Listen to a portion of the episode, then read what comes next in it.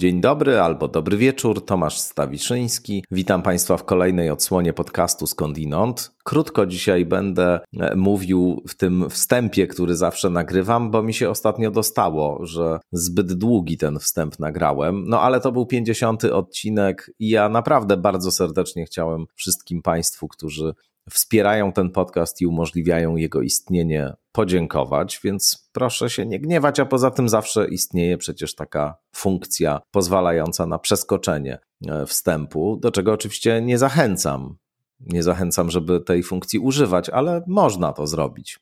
Ale ja też jestem osobiście przeciwnikiem e, takiego nadmiernego kondensowania treści i tej współczesnej obsesji na punkcie tego, żeby wszystko było takie dopięte, skondensowane, właśnie krótkie, wyraziste. Nie, jest pewna powolność w refleksji także wartością i to, że można te refleksje rozwijać i to, że niespiesznie można podążać po różnych meandrach rzeczywistości, bo rzeczywistość, w której żyjemy, jest meandryczna. Kiedyś e, podczas pewnego wykładu, to jedna z moich ulubionych anegdot o Jamesie Hillmanie, właśnie James Hillman, filozof amerykański, psycholog, jeden z moich bohaterów intelektualnych absolutnych, e, miał jakieś wystąpienie właśnie, o czymś tam opowiadał i wstał jakiś człowiek, dziennikarz, który tam pisał jakąś relację z tego wystąpienia e, i zapytał go, E, o coś, na co Hillman zaczął odpowiadać. Ten mu przerwał e, i mówi: Can you quickly say e, about something? Na co Hillman odpowiedział: Well, my answers are slow. Więc ja jestem bardzo przywiązany do tego sposobu myślenia i do tego sposobu uprawiania refleksji właśnie. I dziś będziemy też w ten sposób refleksję uprawiać, bo długa przed Państwem rozmowa, ale moim zdaniem bardzo, bardzo interesująca też pokazująca pewien sposób uprawiania e, teologii katolickiej czy myślenia o religii, który jest, powiedziałbym, bardzo odmienny od tej dominanty w polskiej sferze publicznej, którą konstytuuje głos biskupów na przykład, albo takich najbardziej wyrazistych przedstawicieli e, konserwatywnej części Kościoła, bo nasz dzisiejszy gość, dr Sebastian Duda, teolog, filozof, publicysta, członek zespołu e, więzi, jeden z takich najważniejszych autorów więzi właśnie, czyli pisma e, kojarzonego z tak zwanym tak zwanym Kościołem Otwartym, także wykładowca w Instytucie Badań Literackich Polskiej Akademii Nauk na podyplomowych studiach gender, tak, tak, na Gender Studies wykłada nasz gość. E, no i człowiek, którego teksty można w różnych miejscach e, przeczytać i jego można też posłuchać w różnych miejscach, ale e, pomyślałem, że właśnie ciekawie będzie skonfrontować się z takim zupełnie innym obliczem katolicyzmu niż ten, który jak powiedziałem, konstytuuje głos, głos biskupów i tej konserwatywnej części sceny katolickiej w Polsce, bo Sebastian Duda reprezentuje katolicyzm otwarty, katolicyzm subtelny, bardzo taki zanurzony w filozofii, właśnie w tradycji teologicznej. I pomyślałem, żeby porozmawiać z nim o granicach możliwości zmiany w kościele, czy w ogóle o warunkach możliwości zmiany w kościele. O tym dużo się opowiada, prawda? Na ile kościół może się zmienić, czy kapłaństwo kobiet zostanie wprowadzone, czy zostaną uznane związki osób Mm, homoseksualnych na przykład. Dlaczego właściwie Kościół głosi tak konserwatywne przekonania z perspektywy współczesnej nauki na przykład i przy nich trwa, a nie może ich zmienić i tak dalej. To są bardzo ciekawe kwestie.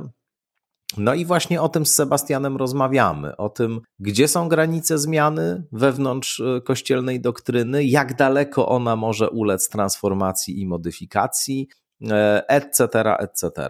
Myślę, że to będzie ciekawa rozmowa, a wychodzimy w ogóle od e, tego, co się stało w Niemczech niedawno. E, niemieccy księża, jak Państwo być może słyszeli, wbrew e, wyraźnemu stanowisku kongregacji do spraw nauki wiary, czyli po prostu świętej inkwizycji, zaczęli błogosławić pary jednopłciowe.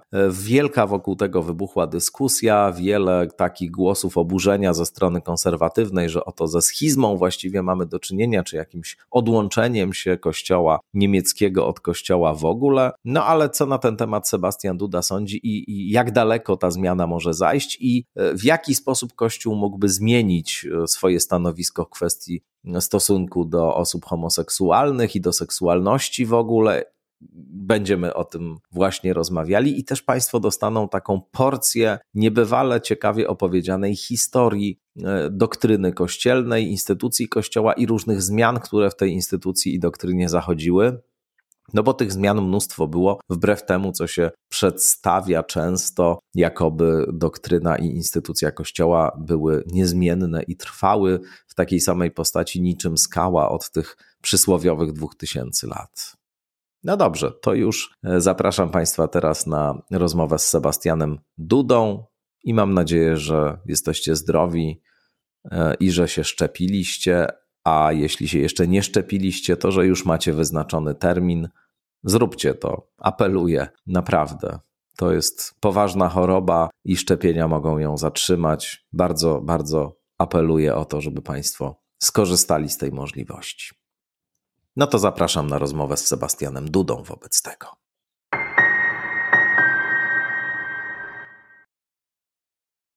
Doktor Sebastian Duda, gości w Skądinąd. Dzień dobry. Dzień dobry. Bunt w kościele. Księża błogosławią pary homoseksualne. To tytuł z jednej z gazet opisujących, e, no właśnie, nie wiem co, jakąś schizmę, jakieś wypowiedzenie posłuszeństwa Watykanowi, wbrew zakazowi Kongregacji Nauki Wiary. Niemieccy księża błogosławią pary homoseksualne. Ksiądz Wolfgang Rote z kościoła pod wezwaniem świętego Benedykta w Monachium mówi: Niebo jest otwarte. No a niemiecka prasa traktuje to wszystko, co tam się dzieje, jako otwarty bunt przeciwko Watykanowi. Mhm. E, jak ty patrzysz na tą sytuację? Może od tego zacznijmy, a później do bardziej ogólnych, e, teologiczno-instytucjonalnych kwestii przejdziemy. Ale dobrze od takiego konkretu wyjść, a to była sprawa, którą bardzo szeroko komentowały także i intensywnie, i żywo polskie media od prawicy do lewicy mnóstwo było różnych dyskusji, głosów oburzenia albo właśnie głosów aprobaty. Na, ja patrzę na to z różnych poziomów e, trochę, dlatego że e, po pierwsze, to nie jest sytuacja do końca dla Niemiec nietypowa w ostatnich dekadach. E, to oczywiście tytuły prasowe otwarty bunt przeciw Watykanowi, dlatego że Watykan ogłosił, że nie ma żadnej możliwości błogosławienia par homoseksualnych, że w ogóle nie ma żadnej możliwości e, otwarcia drogi dla tak zwanych małżeństw jednopłciowych, że, że mógłby to katolicyzm, prawda, w jakiś sposób zaabsorbować, nie wiem, do swojej teologii czy czegokolwiek e, instytucjonalnie. Ale ja od, odkąd pamiętam, jako taki w miarę świadomy, nie wiem, uczestnik życia kościelnego i różnych debat teologicznych, no to pamiętam o, o sytuacjach e, błogosławienia chociażby e, tak zwanych powtórnych związków, tak? czyli mhm. ludzi, którzy zawarli e, małżeństwo w kościele katolickim, rozstali się, założyli nowe rodziny,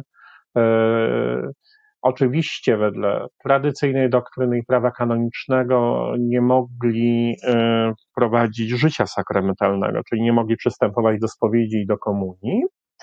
E, nie mogli go prowadzić w pełni, życia sakramentalnego. O tyle, o ile o tyle, o ile współżyli seksualnie, bo tak, jeśli by tak. zadeklarowali, że tego nie robią, no to wtedy by mogli. Tak, chociaż to było takie rozwiązanie wprowadzone przez Jana Pawła II i było traktowane jako rewolucyjne. To też mhm. musimy pamiętać w pewnym momencie, bo mam taką perspektywę, jakby ten konserwatyzm kościelny, tak nie wiem, od, od długiego czasu był w tej samej formie. Tak nie jest. Tak.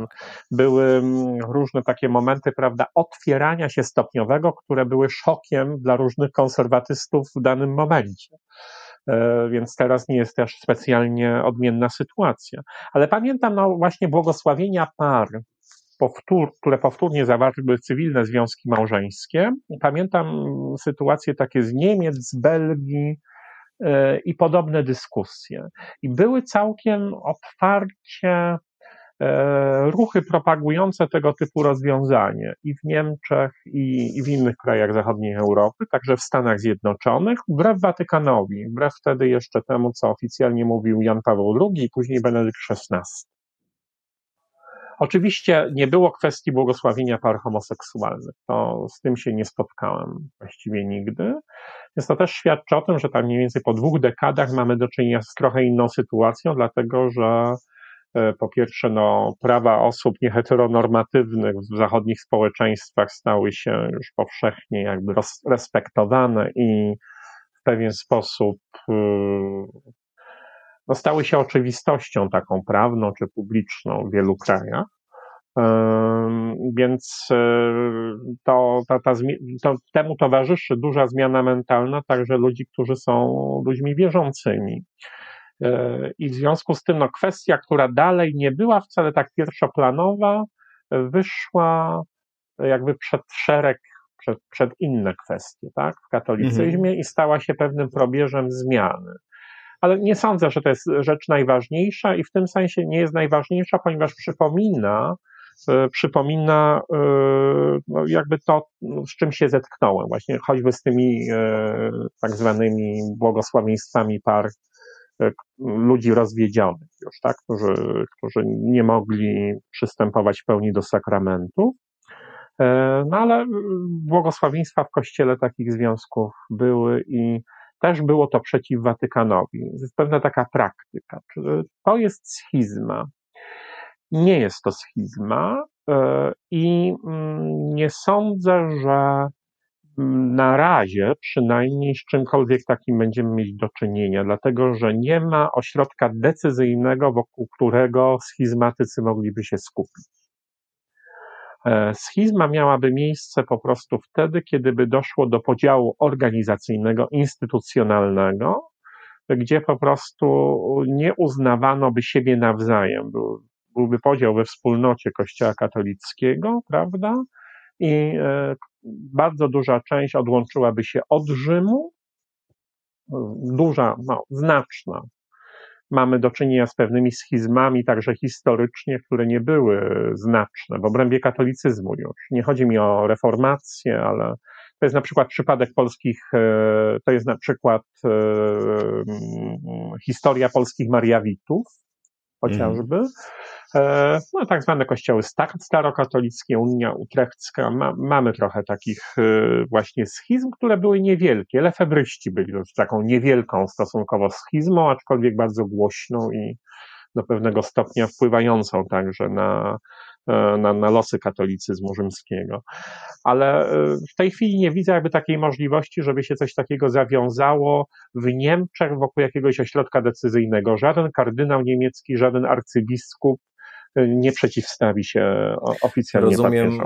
Rozumiem, że chodzi właśnie o to, że, że żeby była schizma, żeby doszło do jakiegoś takiego wyrazistego odejścia części osób z instytucji kościoła i powołania na przykład jakiejś nowej organizacji, no to musi być jakiś lider. W przypadku lefebrystów był to arcybiskup Marcel Lefebvre, oczywiście, mhm. który tam poważniejsze rzeczy zrobił niż tylko jakieś błogosławienia osób, których błogosławić nie, no, nie należy, no bo on schizmy. biskupów wyświęcał tak, po prostu. To był początek mhm. No, on sobie tam zakładał seminaria duchowne i na wiele mu pozwalano przez wiele wiele lat od Soboru Watykańskiego II, aż w latach 80. wyświęcił bez zgody Watykanu biskupów, no i to uznano tak. że za skrajny akt nieposłuszeństwa i w związku z tym Jan Paweł II ogłosił e, właśnie jego wykluczenie z kościoła, co później zostało w stosunku do lefebrystów cofnięte, jak wiadomo, przez Benedykta XVI i, i wzbudziło różne reakcje od aprobatywnych po skrajnie, prawda, negatywne także wśród tak katolików. Tak jest. No tak, no ale właśnie. takiego lidera Wiesz, nie ma w Niemczech teraz. Mm, ja się, ja się zastanawiam e, nad tą sprawą owych biskupów, no bo rozmawiać mamy o granicach e, możliwych zmian w Kościele katolickim i o granicach e, reform, transformacji, rewolucji, które w Kościele zachodzić mogą. I mamy rzecz jasna takie postacie, e, to zazwyczaj zakonnicy są, nie wiem, ojciec James Martin, e, siostra Janine Gramick, to są takie postacie bardzo emblematyczne, które upominają się o prawa osób nieheteronormatywnych w kościele i jakoś kwestionują tę taką wykładnię katechizmową, w myśl której mamy tu do czynienia z obiektywnym nieuporządkowaniem, cokolwiek e, by to miało znaczyć. Hmm. E, ale e, no właśnie, ja się zastanawiam, na ile tego rodzaju wykładnia, którą oni formułują, postulując równouprawnienie gejów i lesbijek w Kościele katolickim, tak to nazwijmy, na ile no, Twoim zdaniem to jest w sensie doktrynalnym, w sensie pewnych zabezpieczeń wewnętrznych, które doktryna katolicka ma w siebie wmontowane, w ogóle możliwe? I gdzie te granice możliwej reformy, na przykład w tym zakresie, Twoim zdaniem są? Czy to mhm. się zmieni, czy to się nie zmieni i od czego to zależy? E, bardzo dobre pytanie. I to jest jakby ten poziom właśnie doktrynalno-teologiczny, o którym mm. tutaj mhm. mówimy, który nie jest instytucjonalny, bo jeśli chodzi o doktrynę i różnice doktrynalne, no to to jest dużo jakby ten podział jest dużo bardziej jakby rzeczywisty i zauważalny. Instytucjonalnie mhm. go nie ma, powiedzmy sobie szczerze, natomiast no, istotnie różnice zdań są bardzo wyraziste. Jak, jak wspomniałeś ojca Jamesa Martina, no to, to, to rzeczywiście teologia, którą on proponuje w odniesieniu do homoseksualności, e, to jest, to jest pewna rewolucja, tak, doktrynalna w Kościele. Na czym to polega? To znaczy rzeczywiście e, podejście katolickie w kwestii homoseksualności też nie tak, że zupełnie od początku tak, chrześcijaństwa, bo historycznie to się jednak tak układało. Oczywiście, że no nie było to aprobowane, nie były te związki aprobowane, ale też dużo na ten temat w pierwszym tysiącleciu tam my nie mamy e, przekazu. Mhm.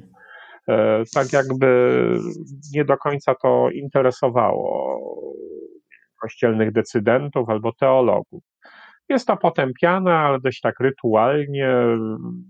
Nie bardzo znamy odniesienia do jakby konkretnych sytuacji. To naprawdę występowało bardzo sporadycznie. Sytuacja się zmieniła e, w XI wieku. No, to nie był dobry czas dla Kościoła Rzymskiego. X-XI wiek, ciemny wiek papiestwa, nazywany pornokracją czasami. Mm -hmm. Fajna nazwa. tak, tak.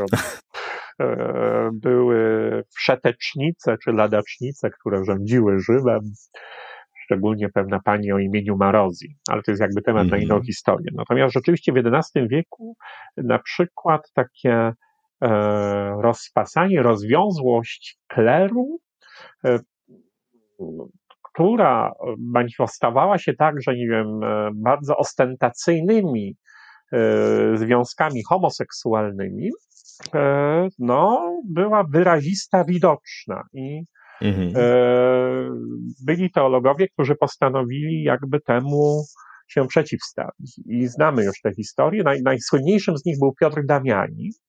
Napisał taki specjalny memoriał do papieża pod hasłem Księga Gomorska.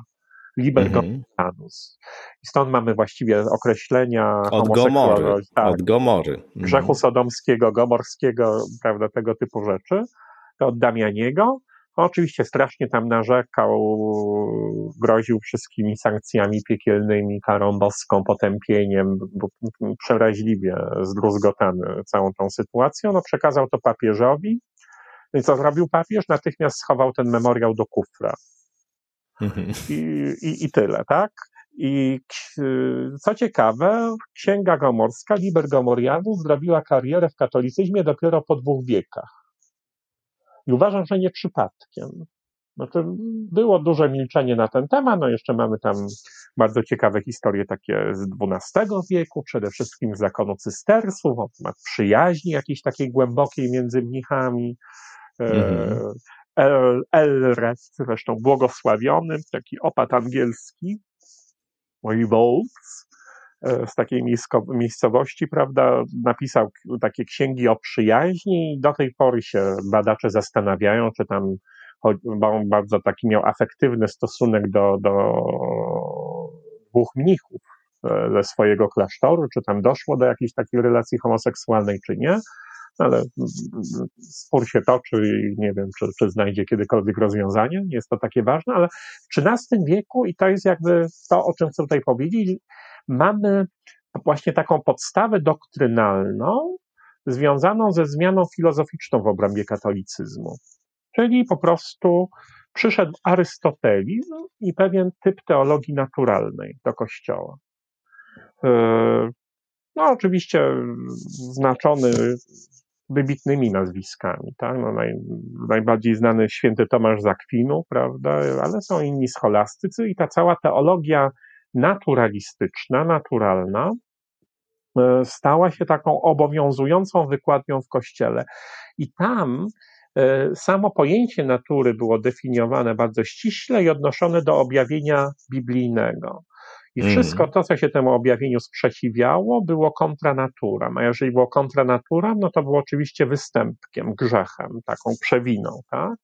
No i homoseksualność się świetnie jakby mieściła w tej kategorii, no, to mogę powiedzieć, tak? I e, w związku z tym bardzo jest wyraźne, że z takiego tematu marginalnego homoseksualność i grzechy homoseksualne, w cudzysłowie e, to mówię tutaj, awansowały bardzo szybko na szczyty list różnych grzechowych, tak? na szczyty mhm. list grzechowych, tak? homoseksualne stosunki między mężczyznami jako sprzeczne z naturą były absolutnie czymś najgorszym. E, dużo gorszym niż gwałt e, na kobiecie co dziwi nas, ale y, gwałt na kobiecie nawet y, był lżejszą przewiną niż masturbacja mężczyzny. A dlaczego? To też pokazuje pewną mizoginię.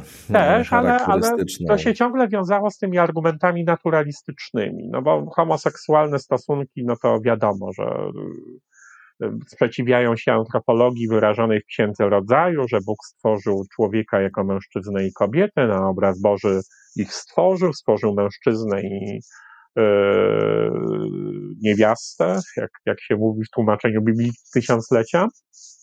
E, no ale e, dlaczego masturbacja? Dlatego, że wszystko jest dobrze, dopóki, prawda, nie wiem, akt ma swoje naturalne ukierunkowanie. Więc jeżeli mamy do czynienia, przepraszam za tę dosłowność także słuchaczy, no ale chcę to zobrazować, jeżeli mamy do czynienia ze złożeniem nasienia w pochwie, to to jest bardziej naturalne niż masturbacja, która jest marnowaniem tego nasienia poza mm -hmm.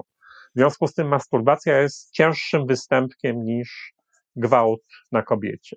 Co oczywiście y, nasi słuchacze mogą w formie poetyckiej E, odnaleźć w słynnej pieśni Monty Pythona Every sperm is sacred, every sperm is great. If the sperm is wasted, God gets quite irate. Przypomnijmy prawda, ten tak, tak, tak. wielki utwór. Ale e, tu są jakby źródła tego i to jest XIII-wieczne. Tak. Natomiast y, ta teologia się utrzymała, powiedzmy sobie szczerze, i co więcej,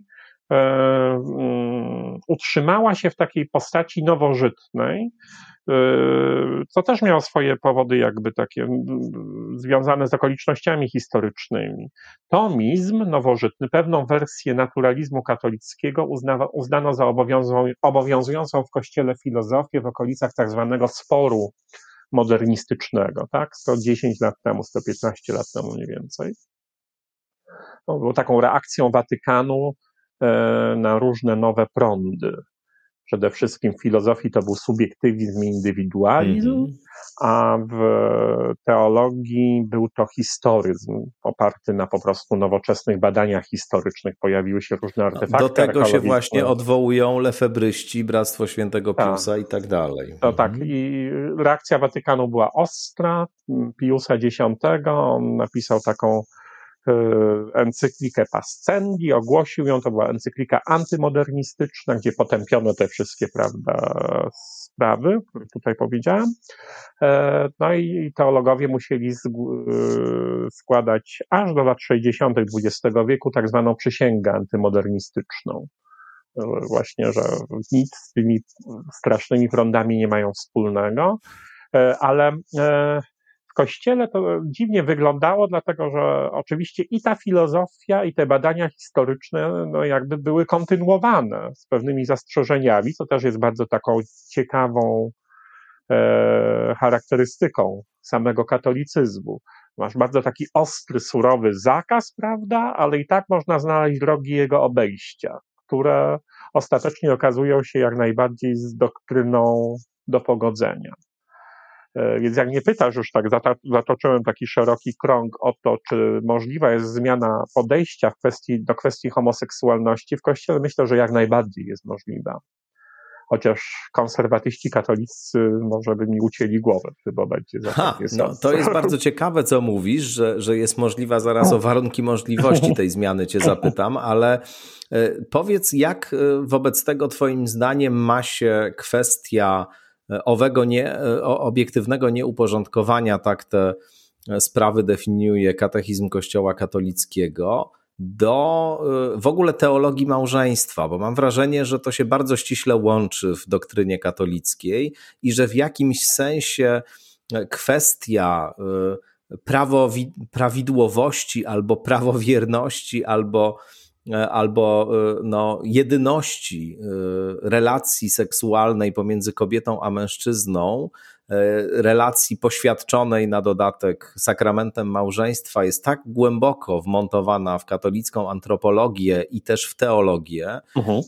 w tym sensie, że łączy się bardzo ściśle e, ze sposobem, w jaki myśli się o Bogu i w jaki definiuje się relacje pomiędzy Bogiem, stworzeniem, w jakim też definiuje się teleologię katolicką, czy tele, teleologię stworzenia w ogóle, że E, przyznam, że trudno mi sobie wyobrazić, choć oczywiście ja nie jestem teologiem i, i, i no, moja wiedza jest e, bardzo amatorska i pobieżna na ten temat, ale trudno mi sobie wyobrazić, jak właściwie można by było pomyśleć, nie wiem, na przykład e, no, uznanie, że akty homoseksualne nie są grzechem, albo że związek pomiędzy osobami tej samej płci może mieć ten sam status, co małżeństwo pomiędzy kobietą a mężczyzną, czyli że można po prostu na przykład udzielać sakramentu małżeństwa osobom tej samej płci, no bo tutaj mamy w samym akcie prokreacji, a seksualność jest przede wszystkim po to, żeby się rozmnażać. Te efekty dodatkowe w postaci przyjemności są właśnie e, ubocznymi e, e, skutkami, efektami specjalnymi, ale tylko pobocznymi, stanowiącymi pewien środek do celu, jakim jest rozmnażanie się, a nie coś, co może być traktowane jako cel sam w sobie. Stąd nakaz w etyce seksualnej katolickiej, no właśnie tak jak powiedziałeś, składania nasienia w pochwie, to do dzisiaj e, przecież jest, jest mm, obowiązujące. E, no bo małżonkowie złączeni sakramentem małżeństwa w intymności, E, e, uprawiają seks po to, żeby się rozmnażać, czy z taką intencją, żeby się rozmnażać, ale za tym rozmnażaniem się stoi Bóg. To znaczy, to On e, daje dzieci w sensie najściślejszym, mhm. a nie jakiś ślepy, przyrodniczy proces, tylko istota najwyższa stoi za tym, za tym cudownym aktem poczęcia się nowego człowieka. I to jest fundamentalny cel małżeństwa, to jest fundamentalny cel E, ludzkiej seksualności, właśnie, która oczywiście musi być specyficznie obudowana, musi być odpowiednio e, okiełznana poprzez tę instytucjonalizację w e, małżeństwie, właśnie. Zatem, jak właściwie można by na gruncie tego typu bardzo głębokich założeń co do natury człowieka, natury Boga i seksualności, właśnie pomyśleć, odciążenie czy zdjęcie tego odium grzechu z E, stosunków homoseksualnych, czy z mhm. homoseksualności po prostu. No, tę wizję małżeństwa, jaką przedstawiłeś, jest to wizja niewątpliwie katolicka, no, ale ona nie zawsze taka była w katolicyzmie. Tak? Oczywiście. Tak? Ona jest związana jednak z pewnym typem jurydyczności, jak się mówi uczenie, czyli po prostu e, z pewnymi takim, z takim bardzo legalistycznym podejściem. Trzeba podać warunki, kiedy małżeństwo jest ważne, kiedy, prawda, małżeństwo jest sakramentalne, co to w ogóle znaczy. Ja, jakby mając taki ogląd znowu historyczny, y, muszę powiedzieć, no w ogóle, no, zanim w ogóle dojdziemy do definicji sakramentu, że to jest widzialny znak niewidzialnej łaski, że to zostało odniesione do małżeństwa w dojrzałym średniowieczu, no to mamy paręnaście wieków takiego trochę innego stosunku do mhm. małżeństwa. Mhm. I to chyba warto też przypomnieć.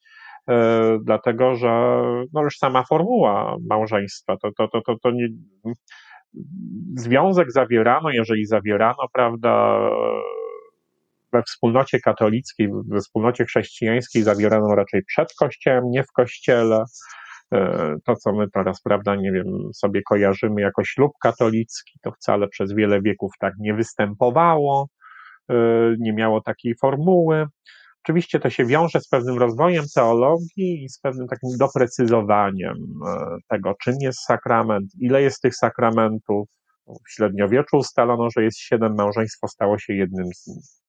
No i trzeba było wtedy powiedzieć, prawda, no co to jest to małżeństwo, jakie ma cele, tak właśnie jak, jak to przedstawiłeś, jaka jest ta teleologia małżeństwa. No i celem oczywiście podstawowym, ale nie jedynym, od samego początku, był też drugi, o którym zapominamy często, ale była prokreacja, tak? Znaczy celem małżeństwa jest prokreacja. Płodzenie, rodzenie, wychowywanie dzieci. Sprawą niebalalną teologicznie, dlatego że rzeczywiście to Bóg jest stwórcą, tak? Więc tutaj rodzice uczestniczą w akcie stworzenia. Więc ma to pewien taki wymiar, prawda, nie wiem, uczestnictwa w czymś, co jest prerogatywą i dyspozycją samego Boga i w ten sposób było pojmowane.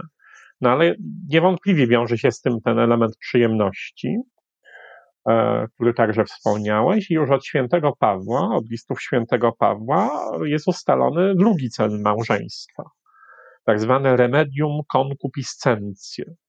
Jest oparte na pewnym takim cytacie z listu, z pierwszego listu do Koryntian. Paweł mówi, no, no dobrze jest człowiekowi, przepraszam, znowu wymagałoby takiego egzegetycznego wytłumaczenia, ale dobrze jest człowiekowi nie łączyć się z kobietą. Jest tam oczywiście e, mowa o człowieku i o kobiecie prostu coś innego. To jest niezgodne, przypomnijmy, z antropologią z pierwszej księgi biblijnej, z księgi rodzaju. No i e, przedstawia Paweł taką argumentację, właśnie, że dla Chrystusa no to lepiej być bezrzędnym. E, no ale jeżeli ktoś już nie może wytrzymać, jeżeli płonie, to niech się pobiorą, mówi Paweł, tak? Czyli ma jakby no to, ten płomień Konkupiscencja to jest tyle, co rządza, porządliwość taka pierwotna, która dość dużą rolę odgrywała później w samej filozofii świętego Augustyna, która też odpowiada za dość negatywny stosunek do seksualności jako takiej e, w zachodnim chrześcijaństwie i to się ciągle otrzymuje. Tego, że święty Augustyn powiązał seksualność z teologią grzechu pierworodnego. Mianowicie, no, upadła ludzka natura jest w jakiś sposób przekony, przekazywana. No jest przekazywana oczywiście w akcie prokreacji, ale co jakby powoduje to, że jest przekazywana? No to, że w każdym akcie prokreacyjnym występuje naturalna porządliwość, tak? Konkupiscencja właśnie.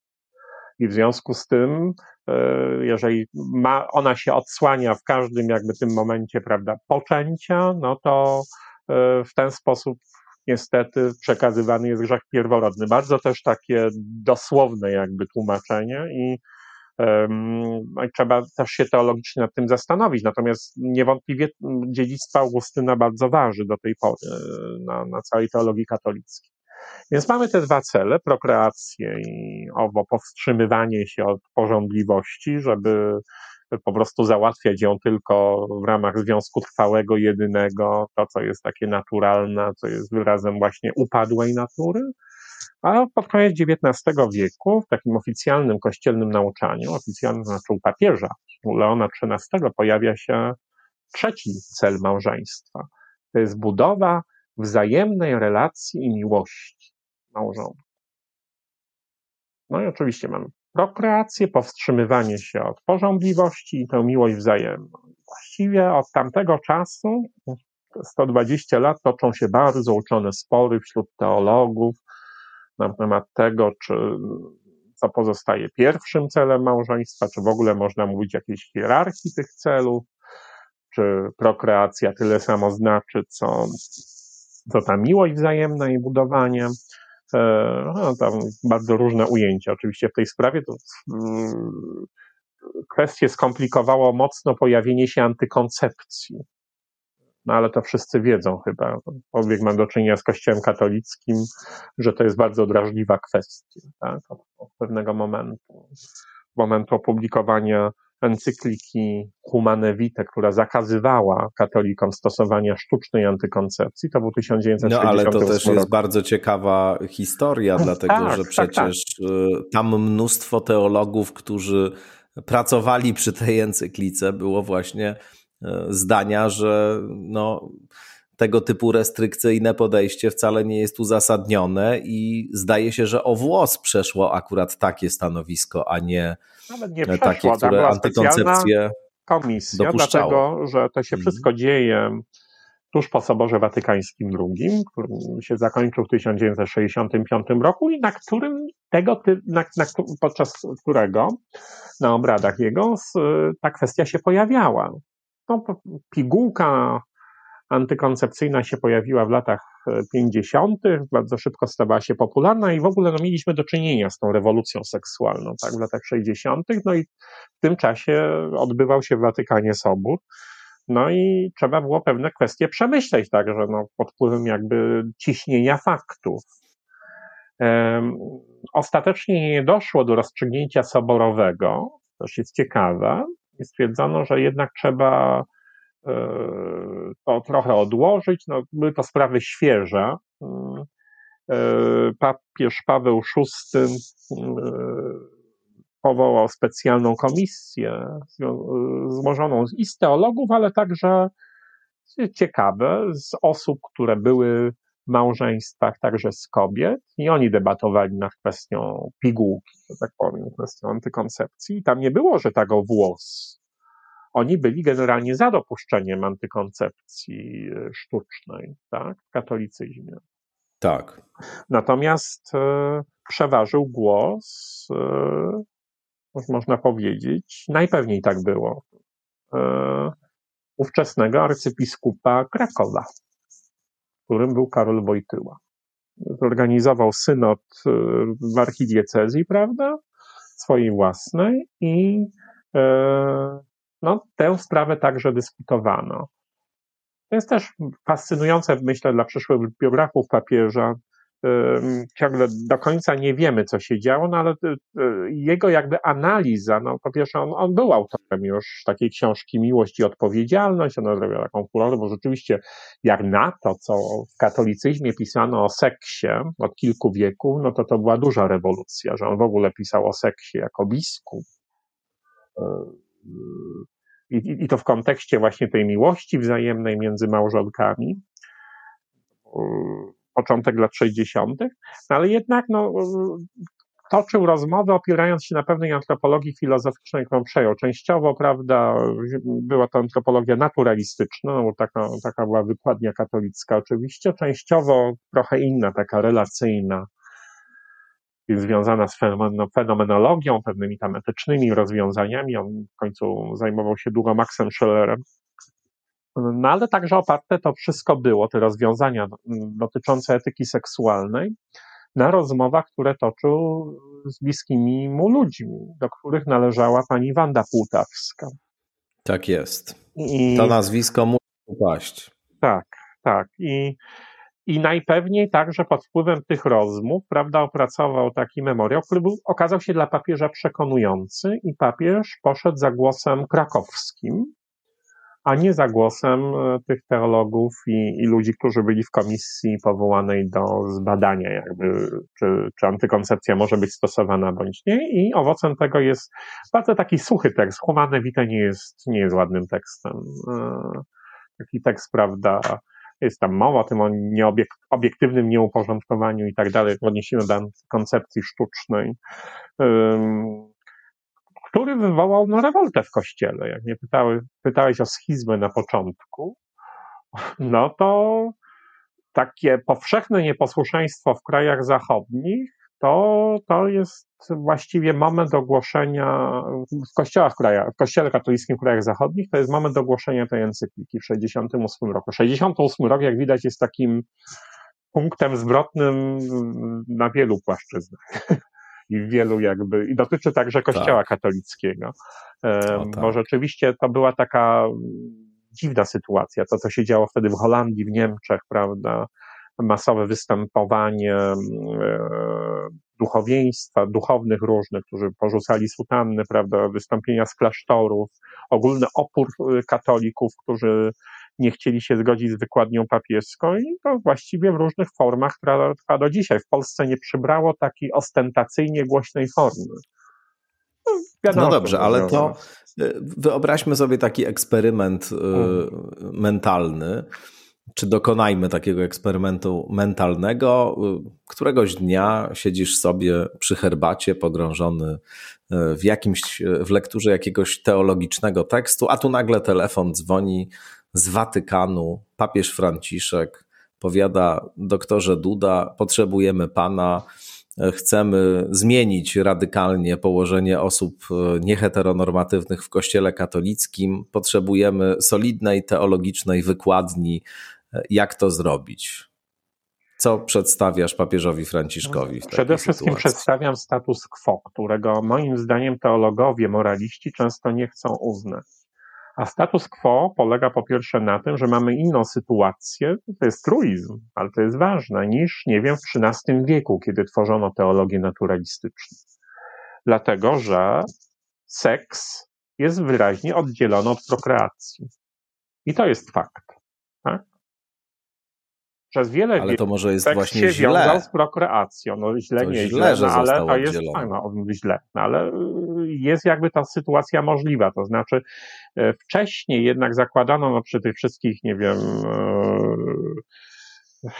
no, co było antykoncepcją? Stosunek przerywany, prawda? No, tam różne teorie ludzie snują na temat zielarstwa jakiegoś tego typu rzeczy, ale to nie były praktyki powszechne. Takie że... prezerwatywy specyficzne tak. z różnych dziwnych ale... rzeczy wytwarzane też były. No były, ale to umówmy się, nie były powszechne artefakty, tak? Natomiast tam co innego jakby funkcjonował. Wiadomo, że seks wiązał się jakby z prokreacją, tak? I, I, ludzie o tym wiedzieli.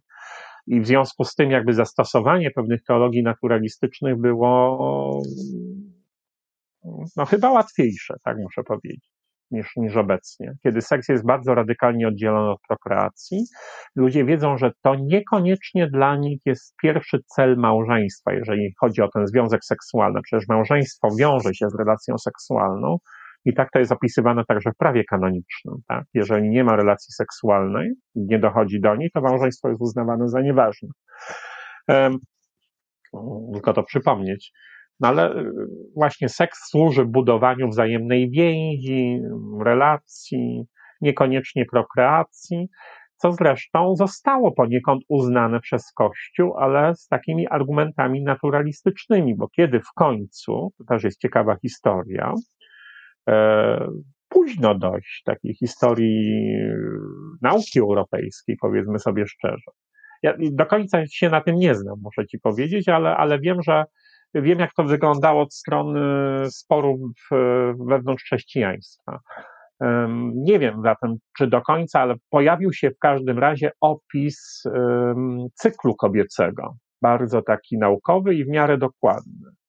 Gdy się pojawił, tak naprawdę z, z, tym, z tą wskazówką, kiedy są tak zwane dni płodne i niepłodne, to były lata dwudzieste XX wieku. I e, reakcja Anglikanów była taka, że w związku z tym, jak już wiemy, kiedy się pojawiają dni płodne i niepłodne, oni, Anglikanie dziedziczą w dużym stopniu teologię katolicką. To wydaje się bardzo wielu ludziom, że to jest protestantyzm, ale to nie jest taki protestantyzm. To jest e, trochę odrębna tradycja. Często mówią o, o sobie jako o drodze pośredniej, via media, tak, między katolicyzmem i protestantyzmem. Niemniej pewne aspekty naturalistyczne są także obecne e, bardzo mocno w anglikanizmie. E, I dopuścili jakby możliwość seksu bez prokreacji, czy też intencji seksu, e, seksu z intencją nieprokreacyjną, służącą, służącemu, służyć miał budowaniu więzi między małżonkami ciągle, dopuścili taką możliwość w latach dwudziestych. Reakcja Watykanu była natychmiastowa i bardzo sztywna. Pius XI w 1930 roku ogłosił encyklikę będącą odpowiedzią de facto na ten anglikański, prawda, na to anglikańskie przyzwolenie, które zakazywało stosowania jakiejkolwiek antykoncepcji, także tak zwanej antykoncepcji naturalnej, e, katolikom. No i, no i co? Zakaz obowiązuje. Encyklika została ogłoszona, po czym już bardzo ciekawa sprawa. Następca Piusa XI, Pius XII, e, dopuścił stosowanie tak zwanych naturalnych metod, czyli tego kalendarzyka słynnego, jeszcze tam paru innych, tak, tak słynne, bo to jest poradnia chyba katolicki do tej pory, prawda, e, wykładane, opowiadane, czyli tak zwana metoda Billingsów, metoda badania tego śluzu e, pochwowego i tak dalej temperatury. Y, no ale to są wszystko jakby to się kręci wokół natury, tak, ciała kobiety, natury cyklu, prawda, kobiecego, menstruacyjnego.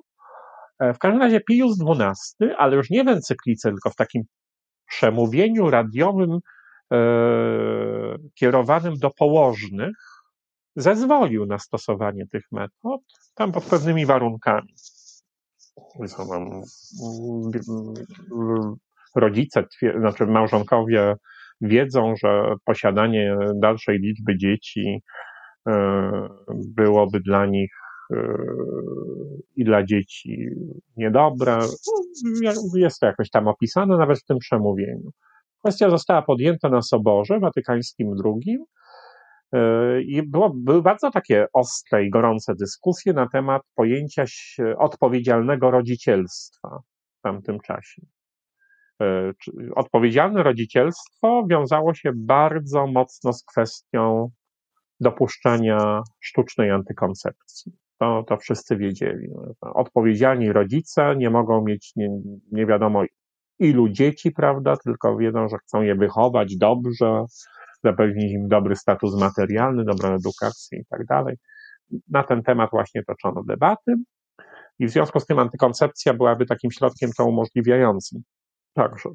No i nagle mamy no, tę reakcję posoborową, właśnie encyklikę Humane Vitae, która dla wielu była jakby krokiem wstecz w odniesieniu do tej ewolucji doktryny, no, z którą no, ewidentnie mieliśmy do czynienia, tak? E, tak jak ją przedstawiłem. Doktryny katolickiej od pełnego zakazu wszelkiej antykoncepcji, w tym naturalnej, przez zezwolenie, aż do debaty na temat dopuszczenia antykoncepcji sztucznej.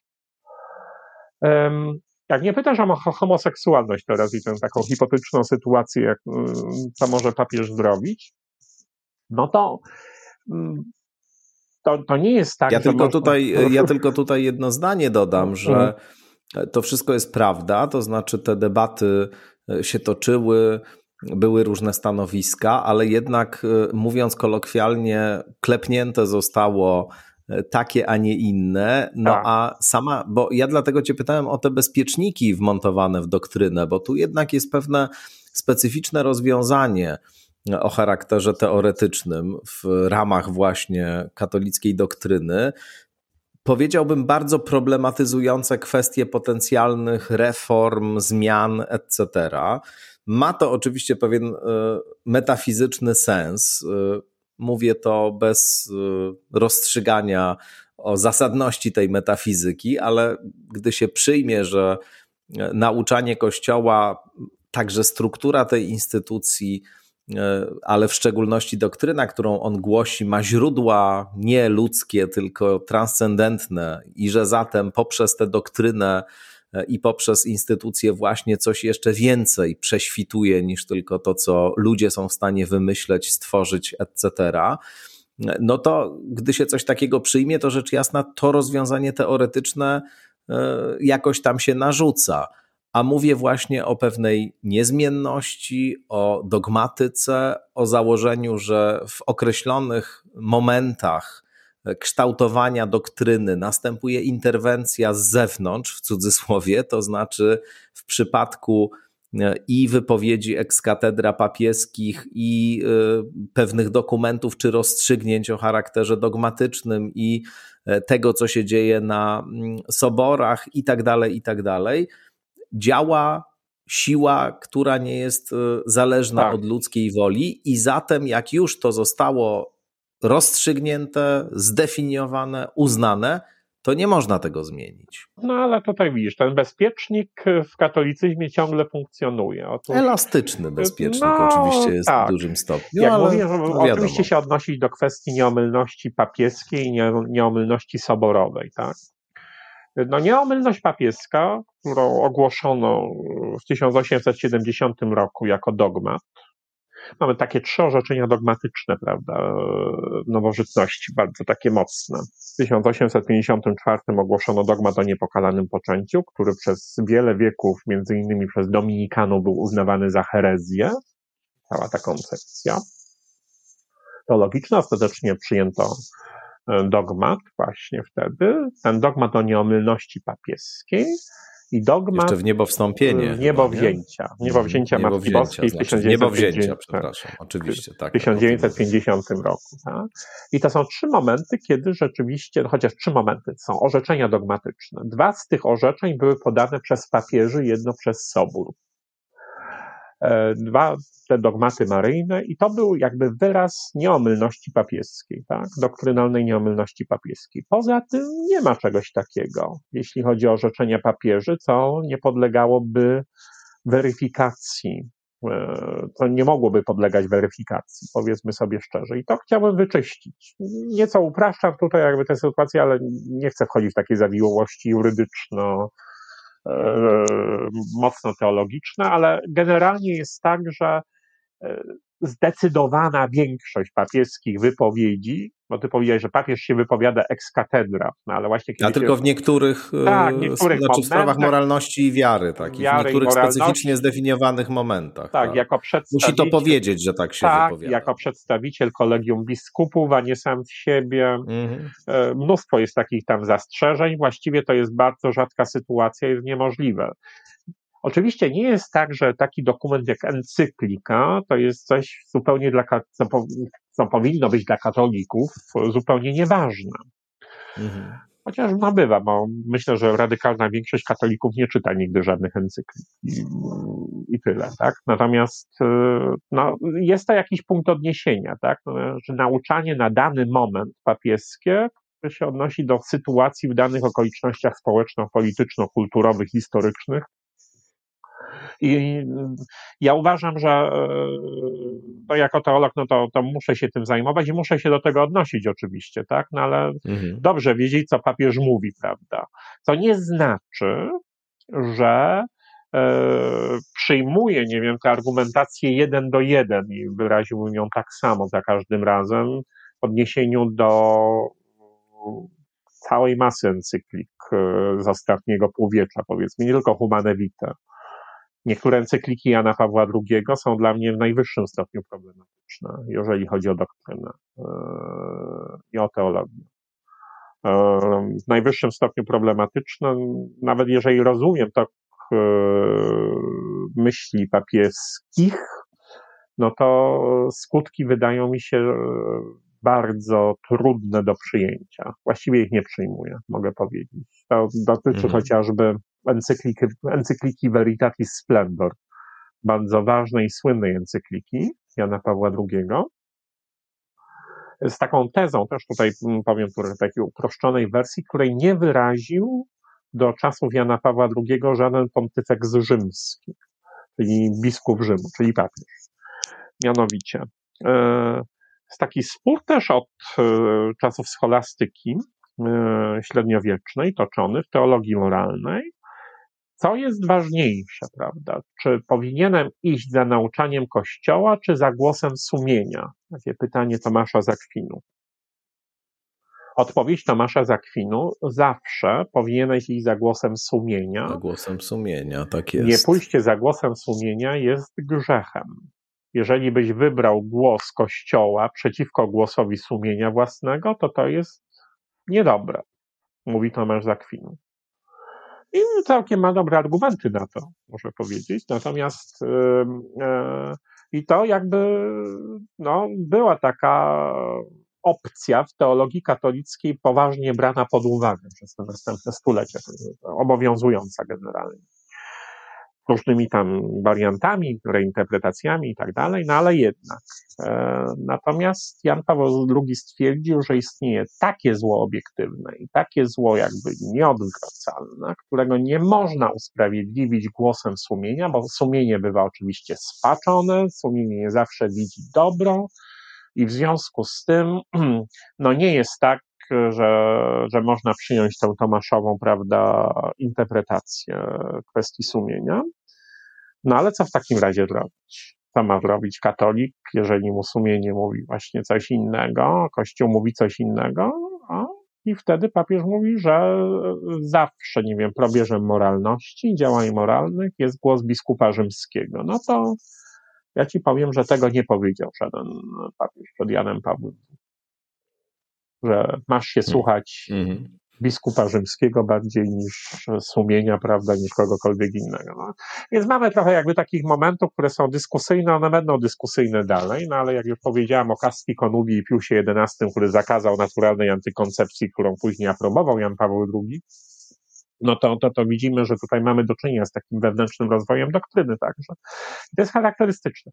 Czy ta doktryna jest... To przejdźmy do tego do tak. tej homoseksualności. Już przechodzę. Teraz, Czy ta doktryna jest mhm. niezmienna? Ja bym powiedział, że niezmienność jest bardzo podejrzaną kategorią w katolicyzmie tak? i w ogóle w chrześcijaństwie. Może jak mówiłeś o tej sile wyższej, która działa, prawda, która przemawia, no to y, widzimy, że mamy pewien postęp doktrynalny od początków Kościoła, tak? Mamy wiem, różne orzeczenia i sobory i definicje dogmatyczne, których nie znajdujemy w Ewangeliach. E, nie znajdujemy w pismach Nowego Testamentu. W Nowym Testamencie nie ma na przykład pojęcia trójca. Musimy pamiętać. Takich podstawowych rzeczy dla doktryny chrześcijańskiej. Więc i to się tłumaczy tym, że działa w Kościele Duch Święty, rozwija się ta doktryna, tak? Więc ona nie jest niezmienna w tym sensie, że jest dana raz na zawsze w jednej stałej formie, z jedną stałą nawet treścią, muszę powiedzieć. Są pewne rzeczy rzeczywiście niezbywalne, pytanie która, e, i są pewne rzeczy, które podlegają reinterpretacji, rozwojowi, dopowiedzeniu i tak dalej. W kwestii homoseksualności, która jest taka tutaj wyciągu, no, dzisiaj o tym mówimy przede wszystkim, ja sobie nie wyobrażam sytuacji, że głos jakby nauki e, i powszechne jakby przekonanie, prawda, w odniesieniu do homoseksualności e, zostanie od, był, mogłoby być odstawione kompletnie na bok. I to już jakby widać w kościelnych, w kościelnym nauczaniu odnośnie homoseksualności, tak? Ono jest oczywiście bardzo dziwaczne, jakby tak się przejrzeć z liberalnej perspektywy. Z liberalnej to znaczy nie z perspektywy, z perspektywy bycia, e, funkcjonowania w ramach demokracji liberalnej, bo przyjmuje się, że homoseksualność występuje, jest to stan faktyczny pewnej grupy osób e, w naszych społeczeństwach, w naszej populacji ludzkiej. Jest to pewna stała e, jest to coś, co trudno pogodzić jakby z antropologią właśnie biblijną i z antropologią naturalistyczną, tak jak sobie ją definiowaliśmy w ciągu tam ostatnich stuleci. No ale trudno też powiedzieć, że nie ma niczego takiego i możemy powiedzieć sobie, że nie wiem, e, wszystko jedno, czy uznamy, że homoseksualność jest czymś wybrodzonym, czy to jest kwestia epigenetyki, to sama nauka toczy spory na ten temat. Prawda? Natomiast no, mamy pewien stan faktyczny, już wszystko jedno, e, z czego to wynika. I ten stan, za ten stan, za tę skłonność, za nawet e, orientację, jest takim ruchem tożsamościowym, uznanie własnej orientacji seksualnej, to jest pewnym ruchem tożsamościowym, to jest coś innego, ale żeby winić te osoby, które coś takiego odczuwają. I właśnie skoro nie winimy, no to nie możemy winić osób, tak? I to znalazło jakby swoje e, odbicie w tym, w jaki, jaki sposób homoseksualność jest opisana w aktualnym e, katechizmie Kościoła katolickiego, tak? No, zatwierdzonym przez Jana Pawła II dla 90., gdzie jest odróżnienie, że trzeba szanować osoby homoseksualne, prawda? Ale akty homoseksualne są grzeszne, nieuporządkowane i tak dalej. My tutaj się pochylamy z troską nad homoseksualistami, e, ale oni powinni, oni są wezwani, nie wiem. Wiesz, ale tutaj jest ciekawa, no. ciekawa rzecz, bo był zapis y, o tym, że to są właśnie niezawinione tak. skłonności, czy też, że oni tego nie wybrali i to zostało usunięte później. To znaczy w tej aktualnej wersji katechizmu już nie mamy tego zapisu. To prawda, to prawda. Tam było ciśnie, możesz sobie wyobrazić i na pewno pewne głosy do ciebie dochodzą także na temat tych dyskusji, które są toczone w, samym, w samych tych gremiach teologów, moralistów na ten temat. Um, także z naukowcami. No, jak powiedziałem, no tutaj akurat nie ma jednorodnej teorii naukowej na temat genezy homoseksualności. Ludzi dziwi, no ale, no ale to tak jest, no, to są różne jakby i ja, ja, nie chcę w to wchodzić. No, można rozmawiać z biologami na ten temat, ale to jest pewien fakt. No, po prostu ta skłonność występuje, tak? Już wszystko jedno, jakie ma źródła. No I jest to po prostu orientacja seksualna, taka sama tak, jak no, orientacja heteroseksualna, tyle że w populacji występuje w mniejszym no w mniejszej no reprezentacji. I w związku z tym, jeżeli po prostu uznamy ten fakt, uznamy pewne opisy naukowe, czyli czyli nie uznamy ostatecznie, to jest epigenetyka, czy coś tam innego, czy, czy to jest, nie wiem, nabyte, czy nie nabyte. Ja, ja pamiętam jakieś masę sporów, nie wiem, konferen na konferencjach teologicznych, filozoficznych wokół tego jeszcze w latach 90.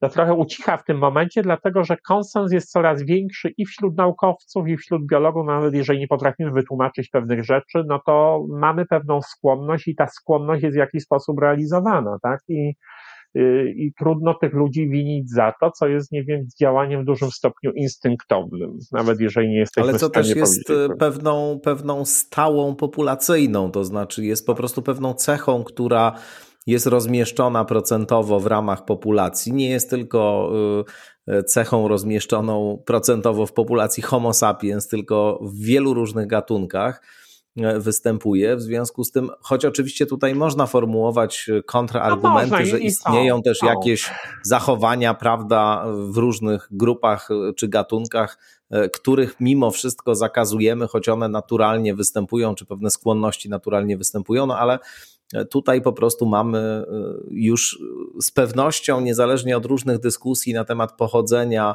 w, w, charakteru wrodzonego i tak dalej, no zasadniczo w genetyce biologii czy, czy psychologii zachowań ludzkich panuje taka, taki model y, interakcji uznaje się pomiędzy stan taktyczny. No, genami. No, się tak, tak, tak, no, tak. geny, no, geny i, i, otoczenie nas kształtują i, i pewnego no rodzaju no orientacja tak. seksualna w każdym z nas się kształtuje i y, pewien procent osób ma akurat taką, to jest w pełni w tym sensie normalne. No I działają według własnego instynktu, realizują własne pragnienia i własne, nie wiem, relacje według tego instynktu. Wszystko jedno jeszcze raz, jak on ma tam genezę, tak? I ja uważam, że to jest do uznania jakby w katolicyzmie, tak? Podobnie jak wiele innych rzeczy. To akurat jest pewien fakt, no, któremu trudno zaprzeczyć, tak? Można mm, jakby opisywać go także za pomocą narzędzi naukowych. One nie muszą być przekonujące, no ale do końca przynajmniej e, te narzędzia w odniesieniu do teologii moralnej katolickiej, no ale, ale można i można próbować jakby łączyć te dwie refleksje i to się czasem udatnie e, daje zrobić.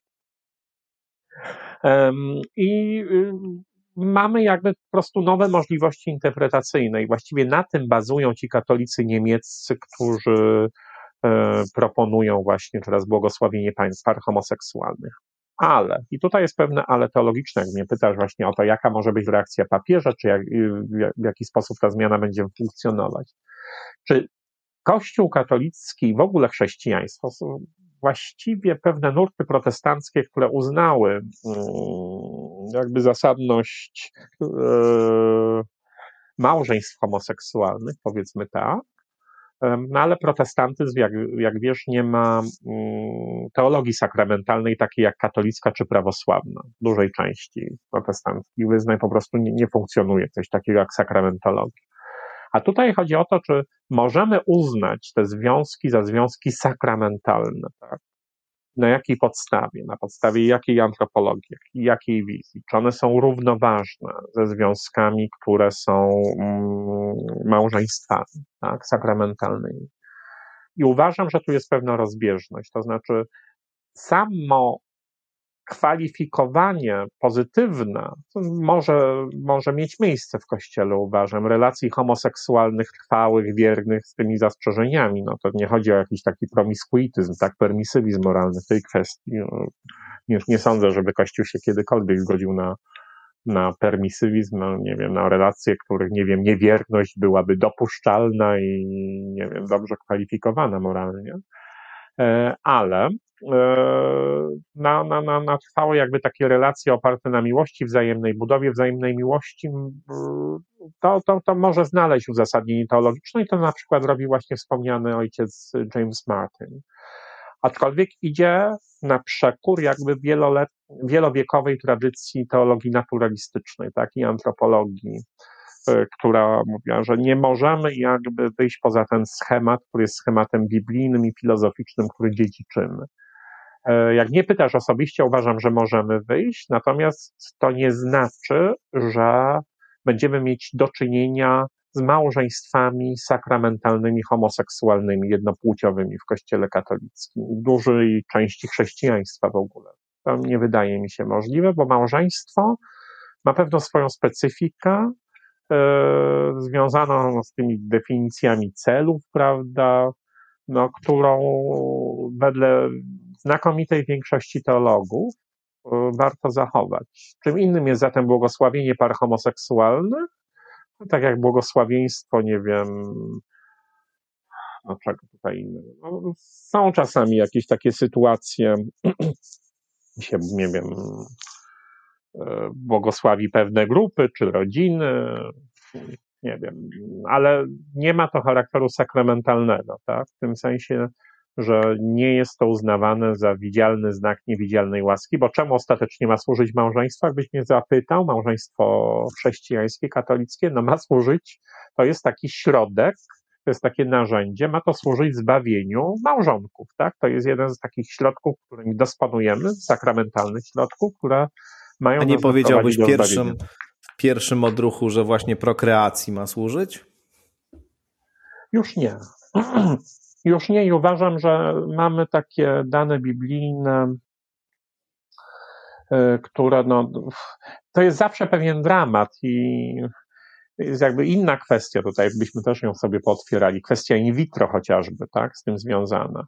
Ale mamy na przykład takie w Biblii opisy par bardzo starych od Abrahama i Sary, powiedzmy, aż nie wiem, po Zachariasza i Elżbietę w Nowym Testamencie, czyli rodziców Jana Chrzciciela, e, no, dla których nieposiadanie potomstwa było znakiem odjęcia błogosławieństwa Bożego i tak to było traktowane, tak, biblijnie.